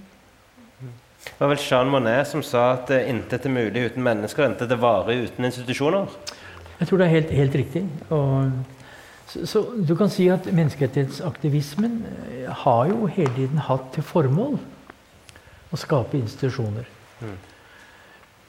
Derfor, derfor er det helt avgjørende å, å sørge å støtte jurister. Mm. Kanskje jeg håper de er bedre enn i Norge. Støtte jurister, og støtte det sivile samfunns partier. Og ikke minst kulturelle organisasjoner. Vi har lagt veldig vekt på, veldig vekt på utdanning. Universitetene er en, en eh, maktfaktor her. Men ikke sant? Derfor er jo Putin han er jo veldig opptatt av å kontrollere skoleverket. selvfølgelig. Og hvis du får en større bevissthet om dine rettigheter gjennom utdanning, så er det en svært viktig eh, gro. En, en, Jeg har, ikke, jeg har ikke notert noen andre som har lyst til å ta ordet. Det er det fullt mulig å gjøre. Men en ting som du kan litt om, eh, som er interessant i denne sammenheng, er jo eh, den spanske overgangen til demokrati. Med Franco gikk av osv. Hvorfor, hvorfor ble den så vellykka? Den kunne jo gått ille der òg. Her skal du få eh, min teori. Jeg mener at Mandela er utenkelig uten spanskeovergangen. Jeg vet ikke om det er tilfellet. Jeg vet ikke om Mandela har lest på overgangen. Men at den spanske overgangen gikk så bra, gitt den historien med altså 100, Man snakker om en halv million mennesker drept i borgerkrigen. 250 000 på slagmarken. 250 med represjon. Francos fred var en hevnfred. Det var folk som kom ut av kjellerne i 1975 som ikke turte å gå ut i all den tiden, for det var represjon. Fagforeninger, alt var slått over ende. Franco var en jævel, en katolsk, autoritær militærdiktator som man gledet seg med å underskrive eh, henrettelsesbrev til ettermiddagsteen. Mitt første møte med Franco var på Kongsberg, da jeg leste Aftenposten. Det var henrettelsen av Grimau. Apropos. Grimau var spansk kommunist. Han hadde holdt seg skjult. Han ble arrestert og dømt til døden. Og så får du det som vi har berørt før. Khrusjtsjov gikk i forbund for ham. Dagen etter var han garantert. Altså, internasjonalt prest hjalp ikke i det hele tatt med å redde Grimau. 62, tror jeg det var. Altså, Franco var aldeles uh, jævlig. Tilbake til spørsmålet. Du, du, spanske ja. Det avgjørende her, avgjørende her er at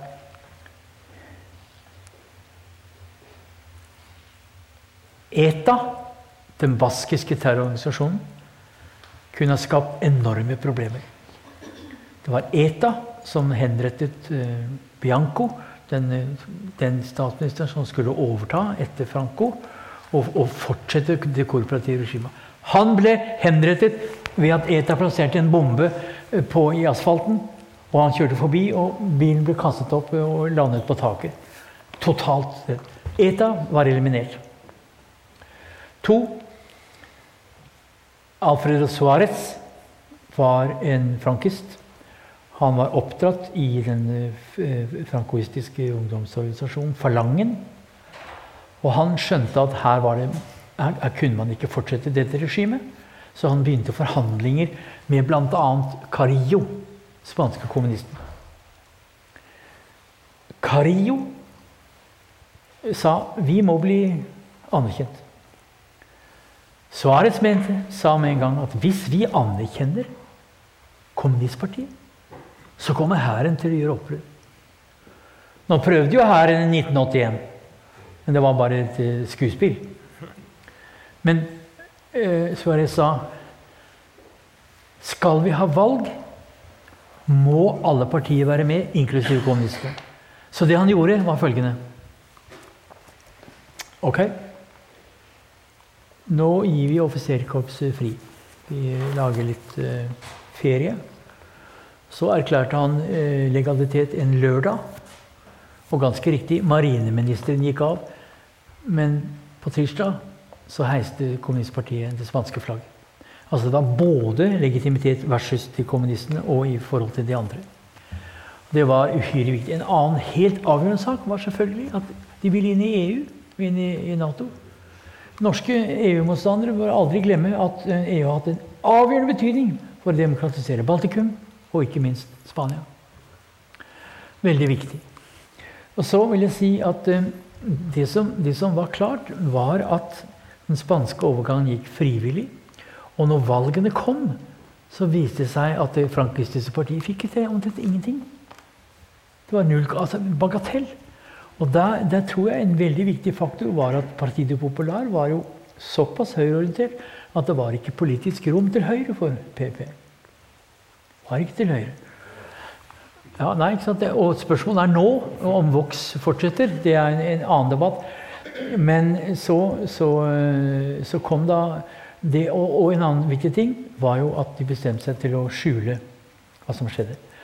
Carillo forsøkte å si at vi må ta opp hele den spanske borgerkrigen. Så kom selvfølgelig høyresiden og fortalte at Carillo var jo fengselsvokter og medansvar for henrettelser. Det var helt umulig. Ingen, ingen ønsket gjentakelse av borgerkrigen. Så det ble lagt et, et, et teppe over. Og det er først nå i 2006 at man har tatt opp spørsmålet om uh, taushetens mur. Nå graver man opp lik. Hvor, hvor, hvor, ble bestefar av? Og Lorca nå, i de siste årene fra 2006 til nå, er jo hele spørsmålet kommet opp om, om konfrontasjon. Uh, Vergangenheitsbewältigung, som tyskere kaller det. Den spanske overgangen Jeg tror at Mandela skjønte Hvis spanjolene klarte det Vi har ikke hatt borgerkrig. Greit, vi har hatt et forferdelig raseskille, men vi har ikke hatt borgerkrig. Og en av grunnene til at uh, Mandela klarte det Jeg går inn for landing nå. Det er helt avgjørende i slike fredsprosesser er at hver av partene har kontroll med sin falans. De Klerk hadde kontroll med Broderbond, nyfascistiske Broderbond. Mandela hadde kontakt, eh, kontroll over eh, stammen, Inkata-stammene til høyre. Da var det mulig for de to, de Klerk og Mandela, å komme til en løsning. Dessuten tror jeg at Mandela helt klart forsto at ANC ville aldri kunne vinne militært. Veldig viktig. Punkt to den internasjonale kommunismen var gått i oppløsning. Det sørafrikanske næringslivet hadde ikke grunn til å frykte kommunistiske overtakelser av bedriftslivet. Det var veldig viktig. Nå etter mange år etterpå ser vi kanskje de burde ha gjort det. så Det er en annen debatt. Eh, ANC bør nå altså, Katastrofe med Katastrofe med ettpartiregimer! Ja. Og, så, og på samme måte kan si Har du tenkt over hvor langt Yasir Arafat og Rabin kom? Yasir Arafat hadde kontroll med Hizbollah. Rabin hadde kontroll med bosetterne. Det var store muligheter for fred. Så drepes Rabin. Så taper Arbeiderpartiet valget. Og da er det tilbake til sånn et evig øyeblikk, Eirik. Mm. Da var det en viss mulighet. Og i Sør-Afrika var det lykket. En fascinerende historie, altså. Ja. Mm. Jeg har, en, ikke notert noen flere spørsmål. Jeg skal ikke holde det Vi har snakket den i senk! Ikke sant? Men jeg, jeg har, jeg har et, et, avsluttende spørsmål for meg. Eh, Bernt, og jeg på å si et litt provoserende spørsmål kanskje for mange helt til slutt. Et Civita-spørsmål som lyder som følger. I Norge så har vi et sterkt og stort sivilsamfunn. Men det er gjennomfinansiert av det offentlige. Ja. Kan det være et problem? Jeg nekter å svare på det. Nei, klart, det vi i Menneskerettighetshuset har selvfølgelig vært klar over det lenge. At vi er en forlengelse av norsk utenrikspolitikk. Men det har foreløpig ikke vært et problem, fordi vi har likt utenrikspolitikken. Samtidig søker vi å øh, spre finansieringen. med har støtte fra Liechtenstein, fra, fra, Storbritannia. For etter at øh, Boris kastet Storbritannia ut av EU, så har jo ikke Foreign Office må vi bruke penger på, og de har funnet ut at vi har et godt omdømme, faktisk. Så vi er tilhengere av brexit, vi, altså. Men dere forstår hva jeg mener. At vi har forsøkt hele tiden å finne flere finansieringskilder. Vi har forsøkt næringslivet. Knut Jostein Kloster støttet oss i alle år. Men norske næringslivsfolk de flyttet til Sveits. De støtter ikke menneskerettighetsarbeidet. Spør de dem, så sier de det er en statlig oppgave. Det er ikke vår oppgave. Mens derimot Norge har da fått de verste sidene ved amerikansk kapitalisme, men ikke de beste. Nemlig eh, stiftelsene Ford Rockefeller som støtter forskning og vitenskap og kultur. Så norsk kapitalisme har en lang vei å gå i forhold til USA. Jeg håper det er tilstrekkelig provoserende. Du, du, som har kontakter med næringslivet, kan du si noe om dem? Ja, altså ehm, Ja, jeg kunne, kunne forsvart det godt og, godt og, godt og lenge. Ja. Men jeg tror jeg skal nøye meg med å ha litt ibsensk etos. Mitt kaller ei at uh, svaret kunne hatt spørre i dag, eh, Bernt. Så vi, jeg, jeg, tror vi skal stoppe der. Hvis ja. det ikke er et uh, siste spørsmål, så sier vi takk for oss.